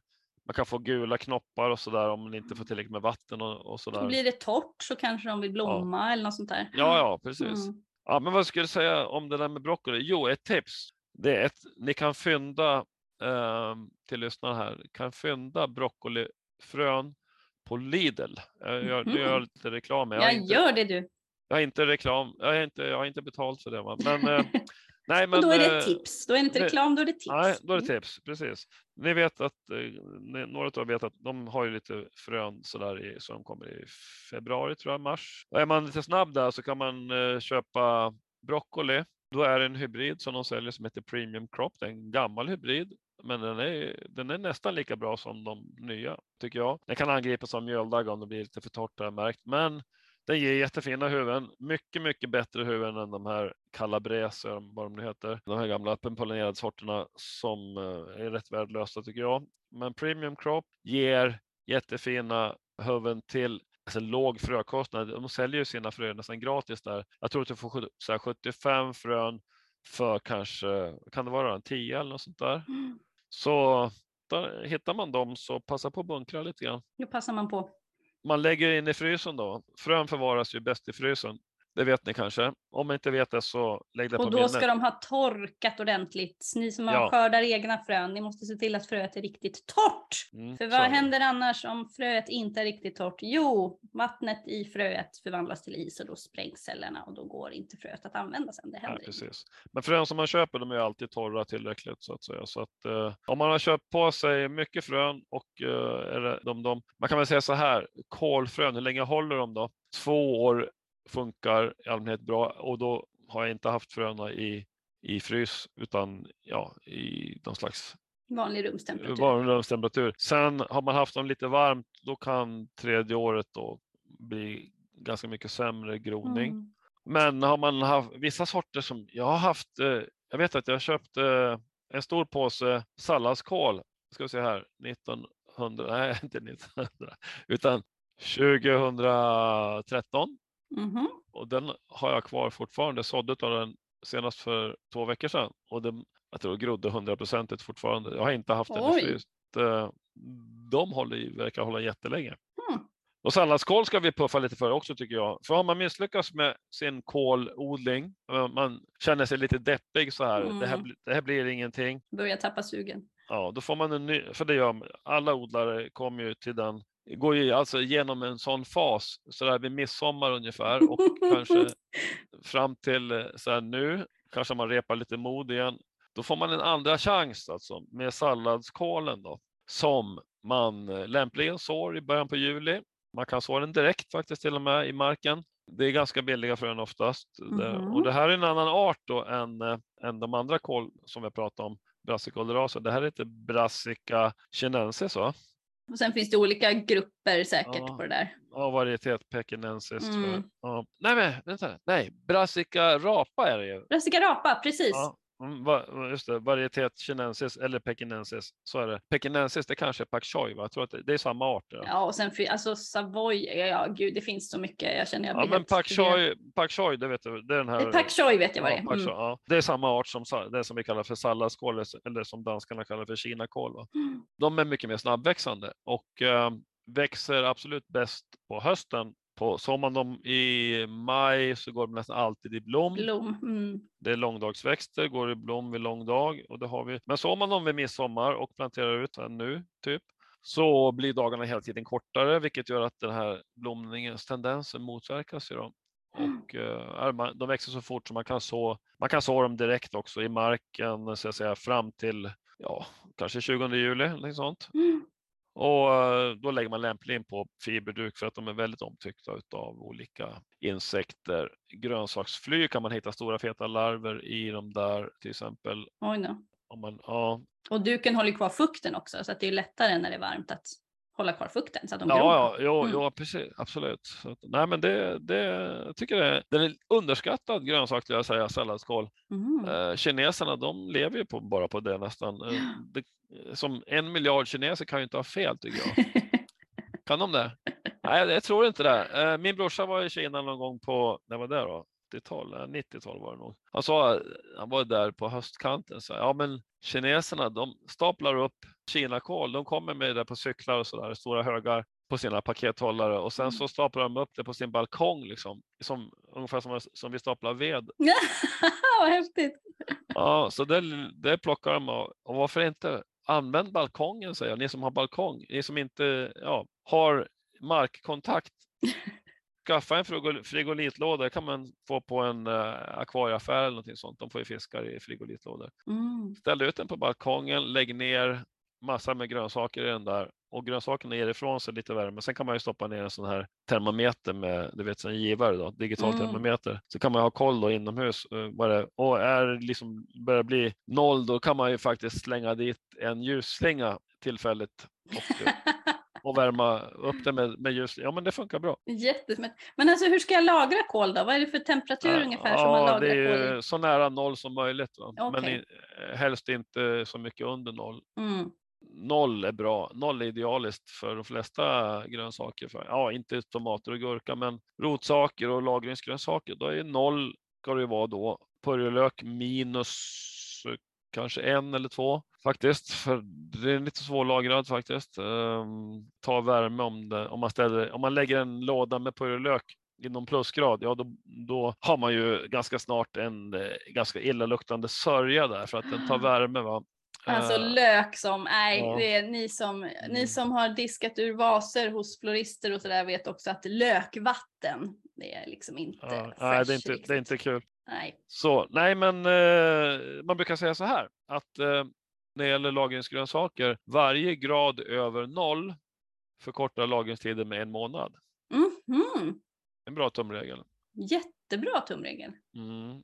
För att eh, andningen ökar, energin liksom i, i grönsakerna går ner, de blir mer mottagliga för svamp, ja, svampen utvecklas ju bättre också, lite högre temperaturer. Mm. Så att eh, kommer man tillräckligt högt upp, 5-6 grader, så där, då går det väldigt fort utför Mm. alltså. Och sen också det här, något som verkligen är en stor bov, är ju det här med varierande temperatur är ju inte bra. Alltså att, att temperaturen skiftar kraftigt ofta. Det är ju inte heller Mm. någon höjdare om man försöker lagra någonting.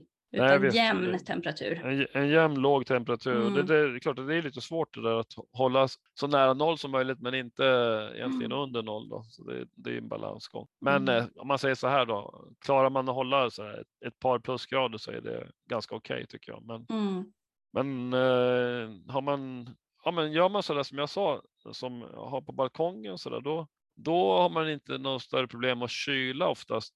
Ja, det kan ju vara milda höstar, men, sen, men eh, har man jordkällare och så där som några har kanske, eller, eller sån där källare som man har i vissa hyreslägenheter. Förr i världen byggde man ju förvaringsrum. Mm. Det var då det, det kanske Ja. kommer tillbaks. Ja, men man kan, det finns ju då, vissa som bor i sådana och då har man ju någon sån här potatislår kanske och så är det någon Mm. ventil då ute och sådär. Det gäller ju att verkligen eh, eh, vädra då på, Eh, speciellt de här jordkällarna, att man vädrar på kalla nätter under, under hösten, eh, under senhösten då, när det blir minusgrader då kanske såna här fem minus på nätterna. Upp med dörrarna liksom där och eh, släpp in då kallluften och ut med värmen då som har lagrats upp under, Mm. under sommaren. Så att man verkligen kyler ner. För det finns väldigt mycket la, värme lagrad i en jordkällare eftersom den är gjord av sten oftast. Så att eh, man måste hålla på och ventilera och vädra i ett antal Mm. nätter innan, innan liksom verkligen man har vädrat ut värmen. Ja, det gäller att hålla koll. Först får man hålla koll på sina sådder, sen får man hålla koll på sina plantor och sen får man Ja. hålla koll på, på Ja. sin skörd. Det är mycket att hålla koll på. Men Precis. om jag nu vill odla kål ihop med något snyggt. Om jag inte Mm. bara vill ha, även om kål är härligt, just det, det. finns en miljon olika sorters kål. Jag jag Goda vad du- grannar och blommor, vad kan ja, jag ja, samordna? ja, ja, jag tror jag vet vad du är ute efter. Precis. Nej, men det vanligaste, vanliga är ju att man odlar med tagetes. va? Och, För att? Och gärna då den här kryddtagetesen kanske. eh, som Mhm. heter Tagetes tenuifolia. Va? som Ja, inte eh, kanske säljs som plantor så ofta tyvärr. Då. Ja, men frö finns den i alla fall. Det, Mm. finns, ja, det är Mm. den snyggaste tagetesen också. Som blir ganska stora buskar. Va? Mm. Linnea-tagetes eh, finns det en sort som heter. Jag vet inte om vem som säljer den som frön. Men Impacta kanske eller någon annan sån här lite Mm. mer udda firma. Eh, rara växter kanske. Jag vet inte. Men eh, det sägs ju att den, ja, alltså, tagetes, alla vet att tagetes luktar och smakar starkt. Liksom lite annorlunda på något sätt. Eh, och det sägs ju då eh, skrämma bort just sådana här kolfjärilar och sånt där. Mm. Jag kan tänka mig att vinruta skulle kunna vara en bra sam Fast den är ju ganska giftig så jag vet inte om jag vill. Alltså, är den det? ja, vinruta. Den har ju lite samma doft som tagetes tycker jag. Ja, det kan ju säkert stämma i och för sig. Mm. Ja, Mm. så, men det är ju en kryddväxt, eh, vinruta. Man, eh, stoppar, man doppar väl ner, stoppar väl ner en kvist i dåligt vin kanske för att fräscha upp det lite. Jag vet Ja, inte. jag vad- törs inte säga. Där, där är jag lite... Alltså är den giftig på riktigt? Den? Ja, jag, jag tror det. Alltså man, jag har för mig det. Nu kan jag ha fel. Jag får nästan kolla upp det. Ja, ja. Men Ja, den spontant bru- känner jag inte att jag skulle vilja ha vinruta bland mina grönsaker. Den brukar säljas i kryddväxtsortimentet. Men eh, Mhm. det, det är ju en perenn så det är ju lite svårare. Mm. Vad ska man kunna odla mer? Man kan väl odla alla möjliga sorters blommor tillsammans med solrosor skulle kunna vara fint. Mm. Tänker jag kanske i bakgrunden sådär. Mm. Det gäller att få till det där med tajmingen så att de hinner komma upp liksom bara innan kolen Ja. skuggar. Ja, ja, det är snarare tvärtom. Det är väl solrosorna som skuggar. Ja, det menar så ja. Man får Mm. sätta planter samtidigt. Man sätter planter samtidigt, sen sticker solrosorna iväg. Precis. Mm. Nej, men det är väl många trevliga växter. Sommarmalva i- i- i- gillar jag, men de blir ganska stora och yviga. Mm. Men tagetesen är bra. Den eh, är lite skir och sådär också. Skuggar Mm. inte supermycket, men man måste ju ändå tänka på att eh, liksom eh, ha ett större avstånd då, tycker jag. Mm. Sen kan man ju faktiskt samodla. Det har jag gjort. Jag har samodlat rädisor med till exempel broccoli. Mhm. Hur blev det? Det gjorde jag i, i där jag höll på uppe i Bollnäs. Så jag körde ju de här 40, 40, 40, alltså 40, 40 på kålen och sen så Mm. nästa 40 så, så, så sådde jag rädisor där i en rad och sen så kom det kål igen då för, efter 40 centimeter och sen ja, kål. Så dubbelrader i kål 40 centimeter mellan och sen så däremellan en rad rädisor och sen eh, då är ju rädisorna färdigt snabbt och sen skördar man av dem och sen kan man ju gå där, i, liksom, får man en gång att gå i. Då. Ah, men det var ju smart.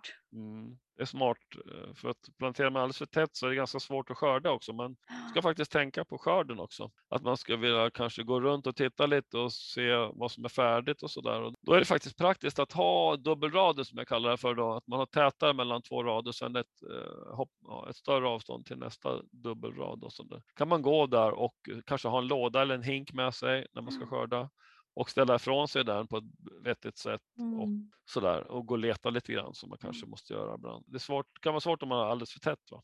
Mm. Ja, man, man vill kunna komma fram med en skottkärra Ja. liksom. Och det är samma sak ni som, ni som ändå odlar i pallkrage och, och liksom anlägger grönsaksland med pallkragar. Sätt dem inte för tätt. Tänk att ni måste kunna komma fram med en eh, skottkärra eller något, även när det kanske hänger ut växter över kanterna. det, det är alltid litet i början, sen Jo, blir de väldigt är mycket större. Så, Eh, om jag ändå skulle vilja fröodla min egen kål då, då går ju F1-hybriderna bort. Då är det ändå någon slags kulturarvssort jag får satsa på. Finns det Mm. några kulturarvssorter som du tycker är lite, lite något kanske möjligtvis att ha ändå? Jo, men det är väl de här ah, det finns väl, men alltså, det är inget fel på de tidiga vitkålsorterna. De är ju eh, samtidigt är det så billigt frö, jag vet inte. Men vill man testa så, och kålrot, absolut. eh, Mm. Sen, ja just det, det finns, jag vet inte om den går att få tag på, men det fanns ju en eh, svensk vitkål som heter Sävstaholm. Känner du till den? Ja, jag tror att den har börjat, att den har räddats. Jag undrar om Ja. inte Sesam har varit inblandad i det. Den Ja, låter d- så jo, den har, rädd, den har räddats. Det var en kille som heter Matti Heino tror jag som var Matti Leino tänker du nog på? Leino kanske hette, Mm. hette han det? Ja, just det. Han fick, de fick frön från eh, Moskva var det väl? Från Rys- eller om det var Leningrad kanske. Det vad heter det? Sankt Petersburg. Det, något eh, institut där som hade frön kvar från Sverige, va? Från, som hade samlat in på, jag vet inte vad det kunde ha varit, 40-talet, 30-40-talet. Bra alltså. länge sedan i alla fall. Ja, de hade väl legat i kyl kanske, men Mm. eh, ändå. Det var ju många, många år och eh, de gullade väldigt med de där fröna och fick väl några plant, svaga plantor som ändå tog sig. Så att man har räddat sorten då, men jag vet inte. Jag tänker att det är mycket man gör för smakens skull. Ja, Inte bara för att man är någon slags alltså, Nej, nej, men- naturhistorisk nostalgi, Nej, utan att det är mycket smak. men vill man ha den godaste huvudkålen så då är det sommar eller tidiga höstsorter man ska hålla på med tycker jag. Och man kan absolut sätta då sommarkål i flera omgångar. Sådär några planter varannan vecka. Mm. Ja, och det gör, det gör man ju gärna med broccoli också. Ja, Så för man, att få så lång säsong som möjligt. man sår ju var 14 dag och då kan man ju också faktiskt så två sorter, en tidig och en sen. Det finns ju så som kanske skiljer en vecka då i tid. Så för just de här hybriderna, de kommer ju samtidigt då. De flesta mognar ju ganska samtidigt inom sådär fem dagar kanske någonting sånt. Och sen klart, man kan ju ta, några kan man ju ta tidigt, några kan man ta lite sent, men man ska inte vänta för länge för då går de ju i blom. Va? Mm. Eh, just när jag pratar om broccoli. Broccoli är svårt att fröodla på något sätt. Då måste du starta väldigt tidigt. Den är ju, den är ju inte tvåårig som vitkålen, utan den är ettårig. Mm. Starta väldigt tidigt, kanske i, ja, i växthus då, och, så där, och sen eh, låta den gå i blom och eh, sen skörda frön. Då. Så det hinner man nog inte på friland i Sverige tror jag. Utan, Mm. Det eh, beror lite på var man bor, men jag förstår vad du menar. Det, ja, det beror ju verkligen det här på sol. Precis. Men däremot vitkål, den eh, kan man, eh, man lagrar huvudet, hu, huvuden över vintern och sen så sätter man ut ett hu- alltså, Grejen är att kål är korsbefruktare, obligata korsbefruktare, eh, tror jag. Jag är inte helt säker på det.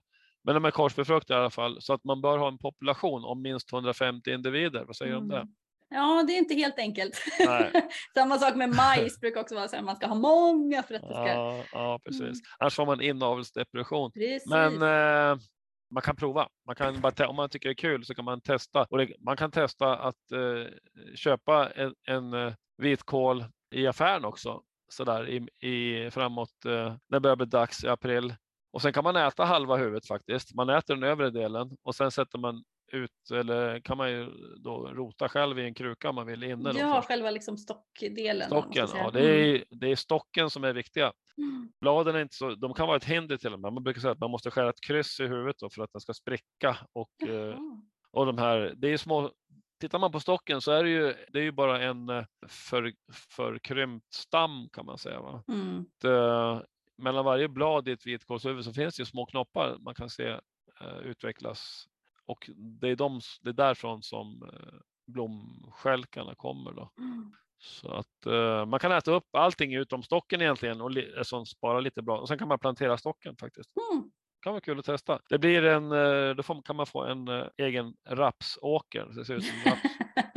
och det kan ju också då vara värt att veta att eh, raps, alltså bor du granne med ett rapsfält, ja då är ju det en sån där filur som kan korsbefrukta då. Så Ja, det är inte helt, helt enkelt. Jag vet Kålrotsakademin har ju, de vurmar ju mycket för de här Mm. eh, gamla kulturarvssorterna av kålrot. Jag är väldigt nyfiken på Finnmarkens vita, på många av de här Finnmarksväxterna. Har du ätit den någon gång? Nej, men jag har sett dem där på Julita. Tror jag att man hade massa kålrötter något Mm. år när jag var där och tittade. Julita gård där i Sörmland. För den sägs ju vara väldigt god. Jag Alltså, har inte provat den själv. Men... Jag, alltså jag vet inte. Så här, jag provade en sort som heter Gillfeather turnip. Mhm. Som, ja, på engelska kallar man ju kålrot ibland för turnip, oftast för swede. Mm. eller rutabaga. Men ja, i alla fall så läste jag lite utländska frökataloger där på 80-talet och, och då stod det mycket om någon sort som heter gillfeather som var så kallad heirloom, va? så en sån här kulturarvssort fast från Amerika då. Och den skulle vara sweet, sweet och sådär, eh, the best turnip och så vidare. Och halleluja. Ja. Ja, så jag, jag köpte någon fröpåse från, om det var Johnnys kanske, Johnnys Selected Seeds. Man kunde ganska lätt skicka efter frön över Atlanten på den tiden. Det är först nu som det har blivit svårt. Va? Men, så jag fick väl någon, någon liten påse där med, med frön också. Så det var ju vanlig kålrot och det var en vit kål, vitköttig kålrot och den var inte alls speciellt söt. Däremot så var den sådär lite skarp i smaken. Så Mhm. att lite, drog lite åt, det, åt rovhållet. Va? Den hade inte fått för lite vatten bara? Nej då, jag hade andra kålrötter bredvid som var Okej. gulköttiga. Jag tycker att min erfarenhet är att gulköttiga kålrötter är de godaste. Mhm. Sen om de är eh, violetta eller gröna på nacken spelar inte så stor roll. Det, det är nog mer köttfärgen. Så att de här vita, nej, de är skarpa liksom och inte speciellt goda. Annars är kålrot fantastiskt gott ju. Mm. bortglömd, ska jag säga, grönsak som är lätt att odla. Man kan så direkt, behöver inte hålla på med planter, billigt frö. Du kan köpa liksom en, eh, ja, så flera års förbrukningar egentligen av frön i en enda fröpåse. Men ja, hur som helst, eh, jättebra eh, för självhushållning om man säger så. Man har någonstans Mm. att lagra sina kålrötter alltså det, och det är mättande och bra grönsak. Alltså. Det, Mm. Kålroten förtjänar att eh, uppmärksammas, det tycker jag absolut. Och man ska inte skörda den för tidigt. Mm. Man ska inte äta kålrötter under sommaren alltså, utan då, då kan man äta majrovor om man är sugen på någonting sånt. Va? Men, eh, men eh, plocka upp dem på hösten i september, då kan man börja tulla på dem eh, i slutet på september. Sen eh, plockar man in dem i oktober och eh, så äter man dem under vintern. Det, ja, det, är, det är väldigt fin. Det är Sveriges, Sveriges bidrag till eh, grönsaksfloran kan man säga. Va? Jag tror att det är en korsning mellan raps och åkersenap, eller åkerkål kanske. Mm. Det låter, ja, nu blev jag osäker, men det finns ju något tidigare avsnitt här om, om just kålrot faktiskt. Ja, eh, med Inger okej. Olausson från Kålrotsakademin. Ja, ja, kan man, kan- kan man lyssna kan på det. om man vill. Jag tror att den har uppstått på Gotland om jag inte alldeles fel. Men eh, kanske också i Östergötland, för det finns ju en, fin, eller fanns i alla fall, det finns nog fortfarande en sort som heter östgöta. Ja. Eh, som är en sån bättre, ja, bättre sorterna.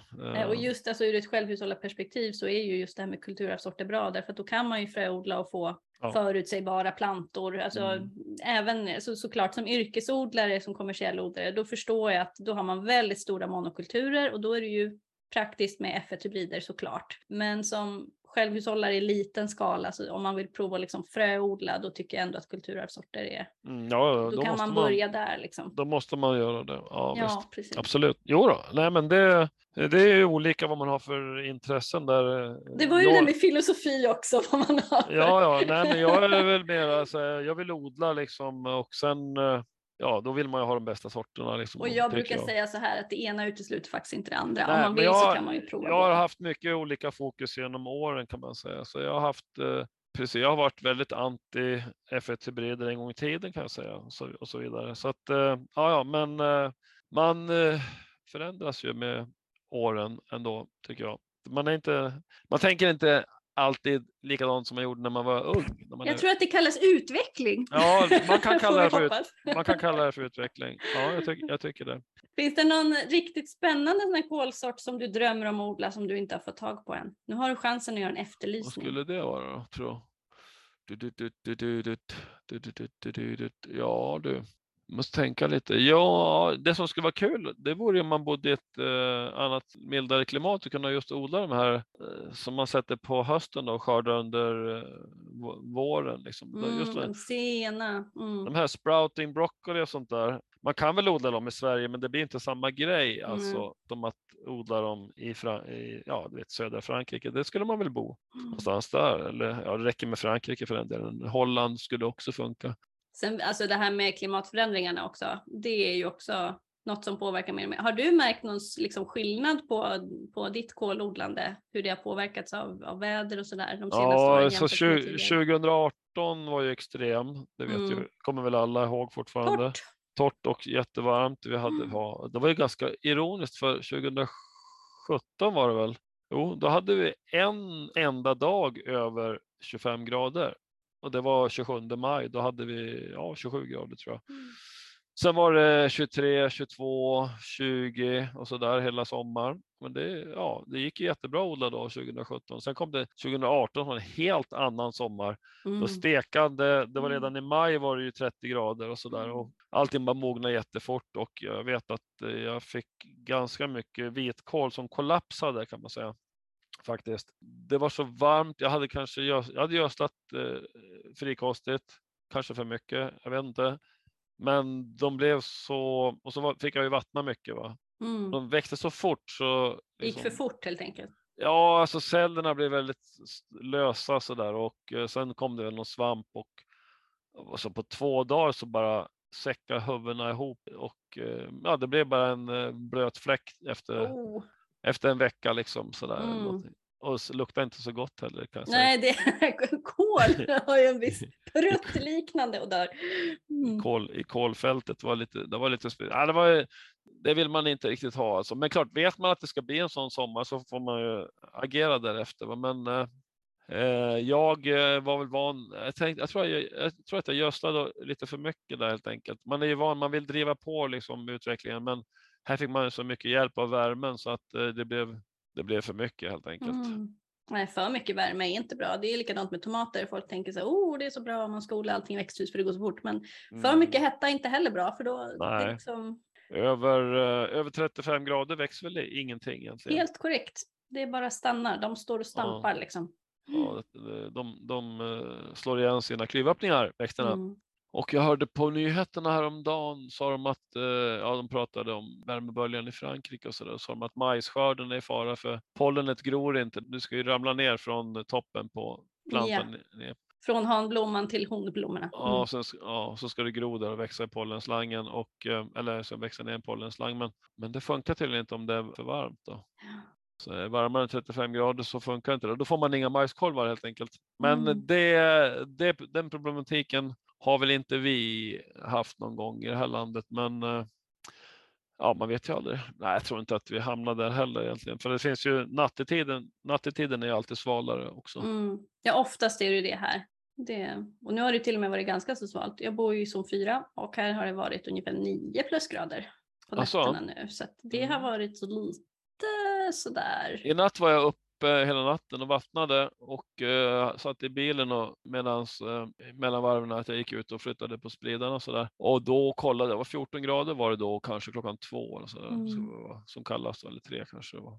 14 grader hade vi det på Färingsö. Men du bor ju i ett köldhål. Ja, alltså du, det här är mitt mellan Uppsala och Gävle och det blåser. Det blåser mm. nog fruktansvärt. Man brukar ju säga så här att det finns många olika zoner i en och samma trädgård. Mm. Och det mm. stämmer verkligen. Officiellt är det här zon 4, men på de riktigt elaka ställena då är det väl zon 5, nästan 6 och på de lite bättre ställena så är det typ zon 3. Mm. Så att det... Ja, nej, men jag tänkte på, man brukar säga att eh, inre av Uppland, jag vet inte om Örbyhus, är det, ja det kan man säga ganska, det är inte precis vid kusten ju. Nej, precis. Uh, utan det är liksom in, det är lite, det är lite in, inlandskaraktär på mm. klimatet där i Uppland faktiskt för att uh, Ja, men man får väl eh, ganska sena frostnätter och sådär hos er, får man inte det? Ja, så kan det vara, men sen är det också så att våran tomt är ganska kuperad liksom. Så att, och tyvärr så är det så att det är som mest sol i de här lite lägre och det är där då frosten samlas. Ja, så det är lite... Jag förstår. Jag förstår. Det, det är inte förstår. helt optimalt. Nej, just det. Nej, precis. Nej, men eh, inlands, ju mer inlandsbetonat ett liksom det är, desto större risk är det för sena nattfroster. Man, man, får en, eh, man kan få varma dagar, sen kan man få kalla nätter. Precis, det är stora temperaturskillnader och det är ju ja. inte jättetoppen för ja. alla grönsaker tyvärr. Nej, man, kan, man kan bli lite lurad också att man eh, planterar ut lite för tidigt och sådär. Mm. Det har jag gjort själv. Det är, är man inte förskonad från på Färingsö heller ska jag säga för att eh, ja, det, vi har haft frost, nästan frost hade vi en midsommar 2014 tror jag. Oh, vilken rysare! Ja, för jag hade majs då som var kanske tre decimeter hög då. Och när jag kom, hade jag varit borta uppe i Hälsingland, där var det frost. Mm. Så kom, kom, jag ner, då var det liksom här, lite grå, gråbruna skott, eller spets, bladspetsar på majsen. Så jag funderade, vad är det här som har hänt? Håller den på att få någon sjukdom? Sen insåg jag att det måste ha varit precis strax ovan, ovanför nollan. Ah, och, och majsen, tajt, liksom. majsen är så känslig så att den eh, tar skada faktiskt redan vid en plusgrad har jag förstått. Mm.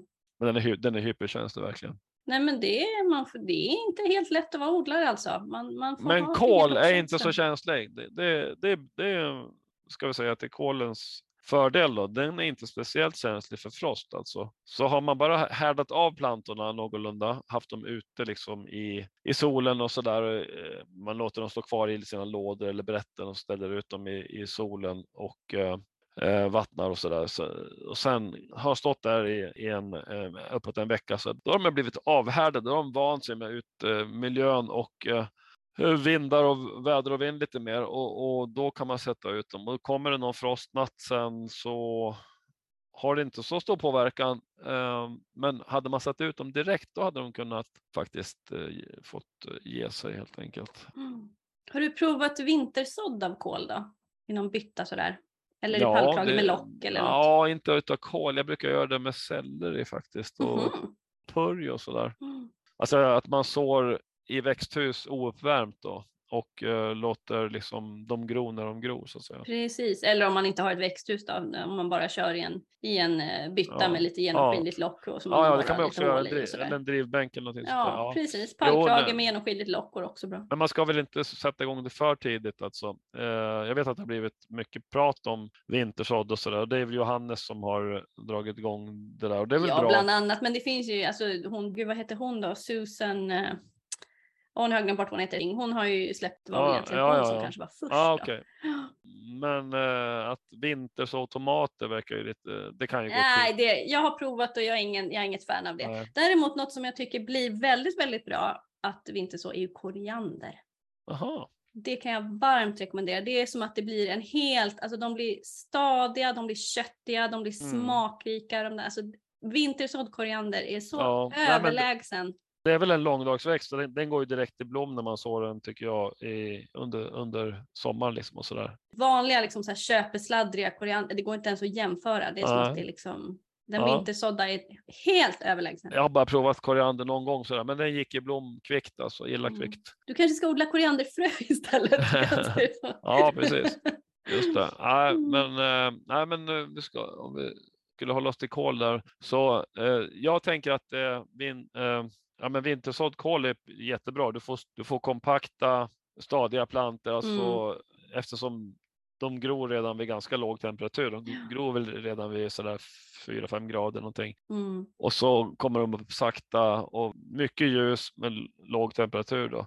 Mm. Och det är klart, har man ett växthus då blir det ju varmt på dagen liksom. Och så där, men det blir kallt på nätterna så att eh, tänk att plantorna blir knubbiga liksom. Mm. Och sådär.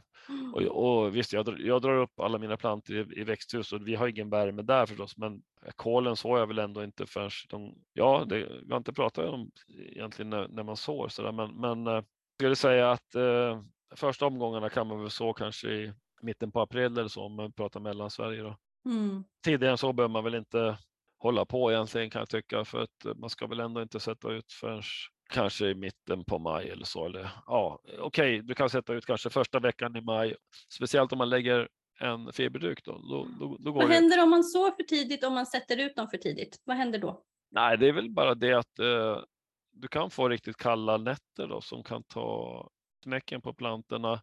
Sen får du ju mer ogräs Mm.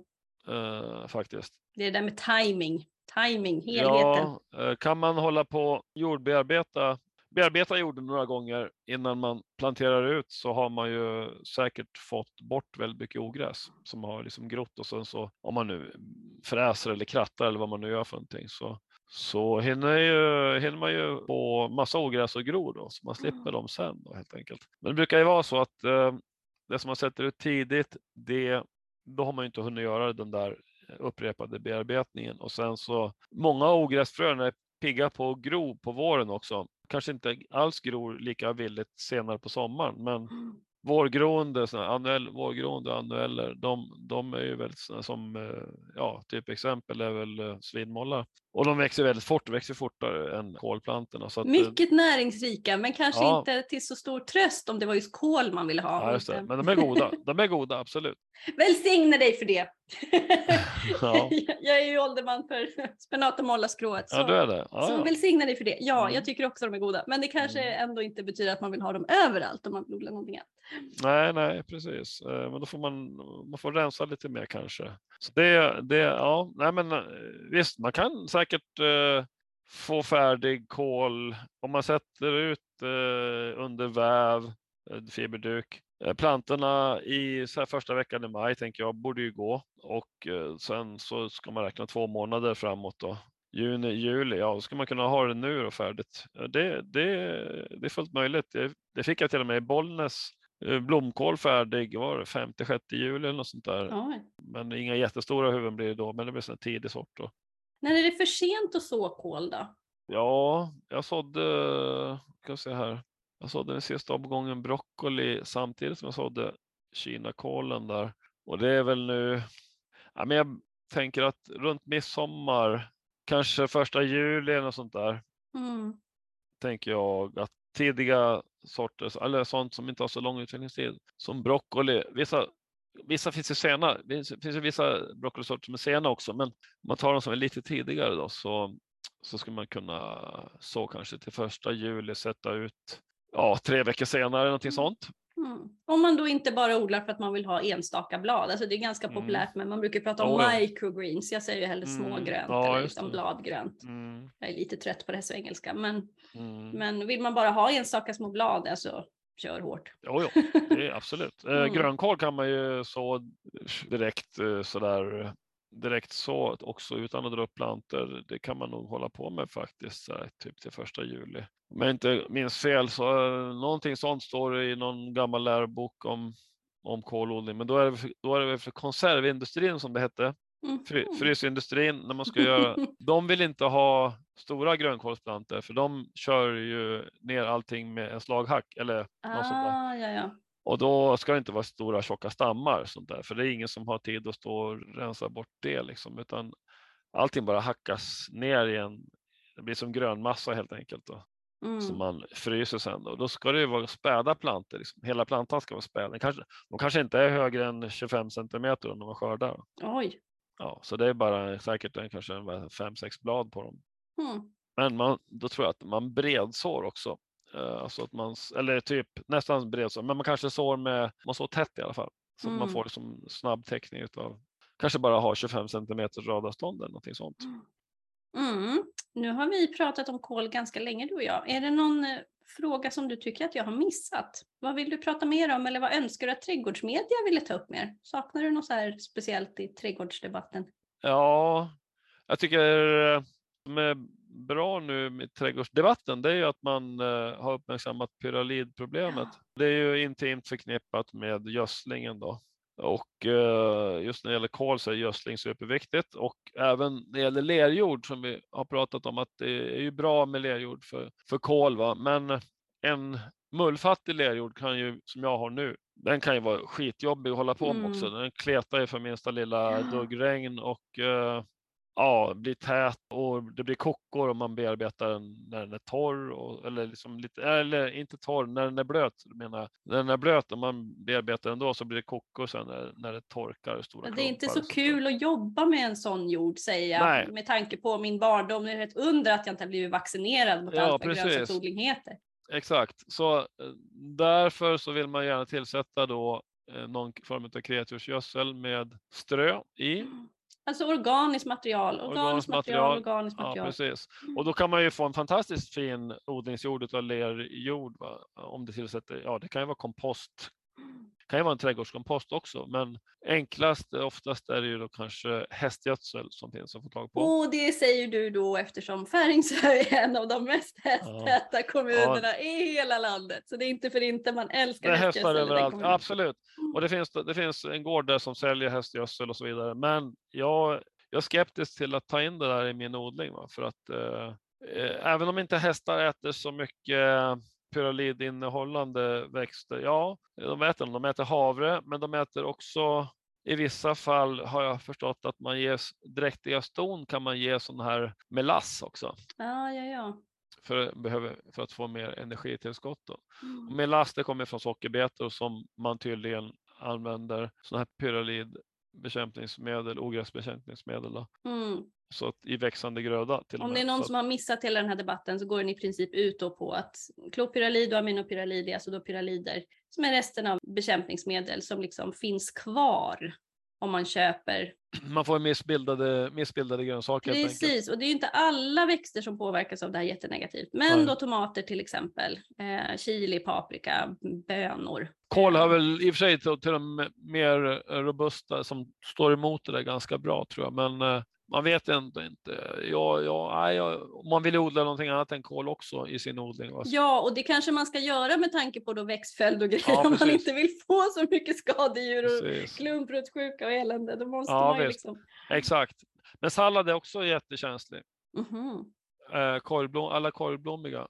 Mm. Ja, det står ju mycket mer om det här på Fritidsodlingens riksorganisations Ja. hemsida, FOR. Man kan Mm. gå in hos FOR Mm. och läsa. Där finns den här Ja, precis. slutrapporten också. Så det är tråkigt tycker jag, det här att man måste tänka på det sättet. Annars hade jag gärna tagit in hästgödsel och eh, förbättrat jorden. Mm. Nu vet jag inte vad jag ska göra. Jag tror att jag kanske måste odla gröngödsling eller odla mycket majs som jag får fräsa ner sen. Det blir väldigt bra jordförbättring också faktiskt. Ah, ja, det är smart att tänka. Nej, för Mm. förr så var det ju då, precis som du säger, det går trender i allt. Det var ju mycket det här med att man skulle hellre göra sitt eget gödsel istället för att använda sig av konstgödning. Men, Mm. men nu har det ju då svängt då i och med att det här organiska gödslet kanske är pyralid drabbat Ja, då. ja, så det är fler och fler som går till köpegödsel. Men då får man också komma ihåg nu i och med Ukraina, så allting hänger ju ihop. Mm, Det är ja, jättemycket precis. konstgödning kommer ju från Ukraina. Så Ja, Den gödningen lär ju förmodligen skena i pris. Så då Ja. kanske lösningen är, precis som du säger, man får odla sitt eget. Gröngödsling. mm, ja, odla sitt eget gödsel. Mm. exakt.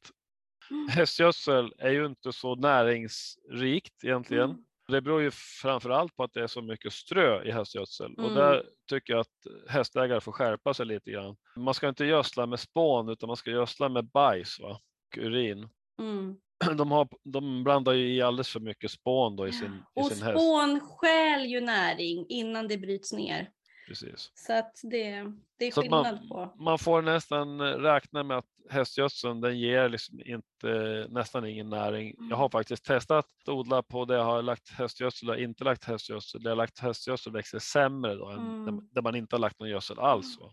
Förstår du? Mm. Det ger ju struktur så det kan ju säkert Ja. bli bättre på sikt. Ja, ja, Men där och då så. Mm. Så därför bör man ju komplettera den här hästgödseln med någonting som är mer snabbverkande Mm. eller näringsrikt. Och då, och då hamnar man ju kanske lätt på konstgödsel. Så det kan vara hö- hönsgödsel också. Va? Men Mm. jag tror att det är en ganska bra kombination med hästgödsel och eh, kanske kalksalpeter eller något sånt. Va? Mm. Men som sagt, konstgödningen går ju upp i pris så att det är inte helt Ja. enkelt det här. Det är, det är inte helt enkelt att vara odlare. Det är många avvägningar man får göra och sen kan man ha hur mycket filosofi man det vill. verkar inte som att de där prishöjningarna har slagit igenom än. Nej, inte än. Men det är nog Faktiskt. mycket av det här som vi kommer märka i höst.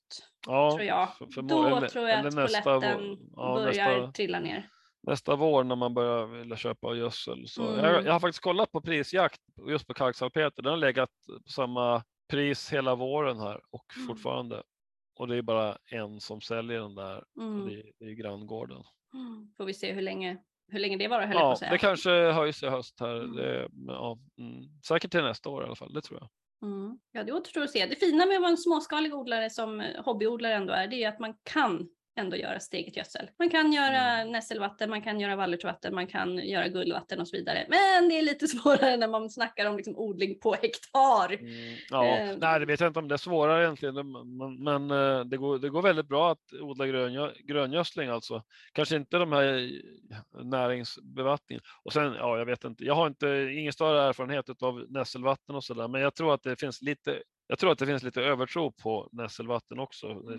li, lite nässlor, man kan inte späda ut det hur mycket som helst och tro att det ska ge effekt, liksom, utan ja, det får vara någon måtta på, på det där. Nässelvatten kan inte ersätta liksom, gödsel om man säger så. Det, däremot så kan det ge en snabb näring när den precis behövs så att säga. Istället för kanske någon konstgödsel så kan man använda nässelvatten eller ännu hellre guldvatten egentligen. Då. Ja, och sen också att man aldrig förlitar sig bara på ett enskilt gödselmedel utan att man har eh, många, Ja, many different tools in your bag of tricks som vi brukar Mm, säga. Alltså mm. stå på många ben är säkrare än att stå Mm. på ett ben. Liksom. Mm. Jo, men det, det är sant. Det gäller ju allt, alltid när man eh, odlar egentligen att eh, sätt inte allt på ett kort. Mm. Sprid dina risker. Sprid dina riskerna och prova gärna nya sorter, men satsa inte bara på en ny sort, Mm. utan eh, testa lite grann och så Mm. använd, använd de gamla sorterna som har, som har funkat hyfsat Mm. och prova någon ny sådär. Och, och det kan vara så att eh, den sorten är alldeles för sen. Jag har råkat ut för det. eh, Faktiskt köpte någon broccoli som skulle vara sen och bra och stor och sådär, men det vart aldrig några huvuden på den. Det var Mm. så sen så att det blev ingenting. Mm. Eh, Sånt kan hända. Mm. Så testa lite grann och eh, ja, och går det bra så kan man ju skifta liksom. Ja, men och alltså våga misslyckas. Våga prova och våga misslyckas. För det är också så att ingen odlingssäsong är ju den andra lik. Och har man odlat en sort ett enda år, då kanske man egentligen inte vet så mycket om den sorten. Man kan ju testa, se hur det blir. Ja, ja, Nej, men så Mm. är det absolut. Visst är det så. Det går ju att lära sig.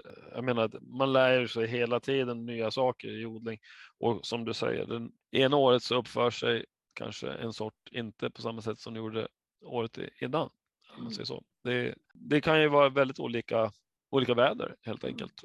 Ja, gud. Ja. Olika trädgårdar. Det vet ju du som odlar på olika ställen. Jo, jo. Nej, men just också tänkte på 2017, 2018 som var sådana kontraster. Mm. Ett av de kallare åren och så det varmaste liksom. Mm. Efter varandra. Det är rätt märkligt faktiskt. Mm. Så man vet aldrig vad man kan förvänta sig. Så är det ju i Sverige. Vi vet aldrig vad vi får för väder i Sverige. Nej, man vet aldrig riktigt vad man får för förutsättningar. Så, så man får vara flexibel. ja, verkligen. Och man får ha lite fingertoppskänsla och det gäller att hålla koll på sin odling. Så är det. Mm. Tack snälla Lars Forslin för att du ville prata kol med mig. Ja, det var Jättekul! trevligt. Eh, den- denna otroliga sortrikedom. Så ni som lyssnar Ja. nu får gärna fortsätta att önska ämnen till framtida poddavsnitt. Jag vet att det är jättemånga som vill ha ett avsnitt om jordgubbar.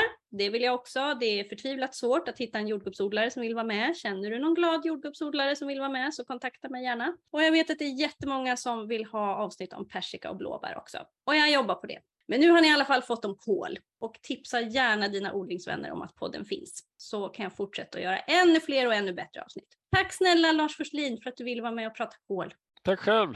Och lycka till med odlingarna så hoppas jag att vi ses Ja. på riktigt någon gång i framtiden. Lycka till, det kan behövas. Eh, jo, men eh, du hittar ju till Färingsö. Så att, Jag är där ganska ofta med ja, tanke du, på du är välkommen. Du är välkommen. Du vet vad jag håller till. ja, precis. Jag vet var din kål bor. Ja, precis. Den här gången. Ta hand om dig. Hej då!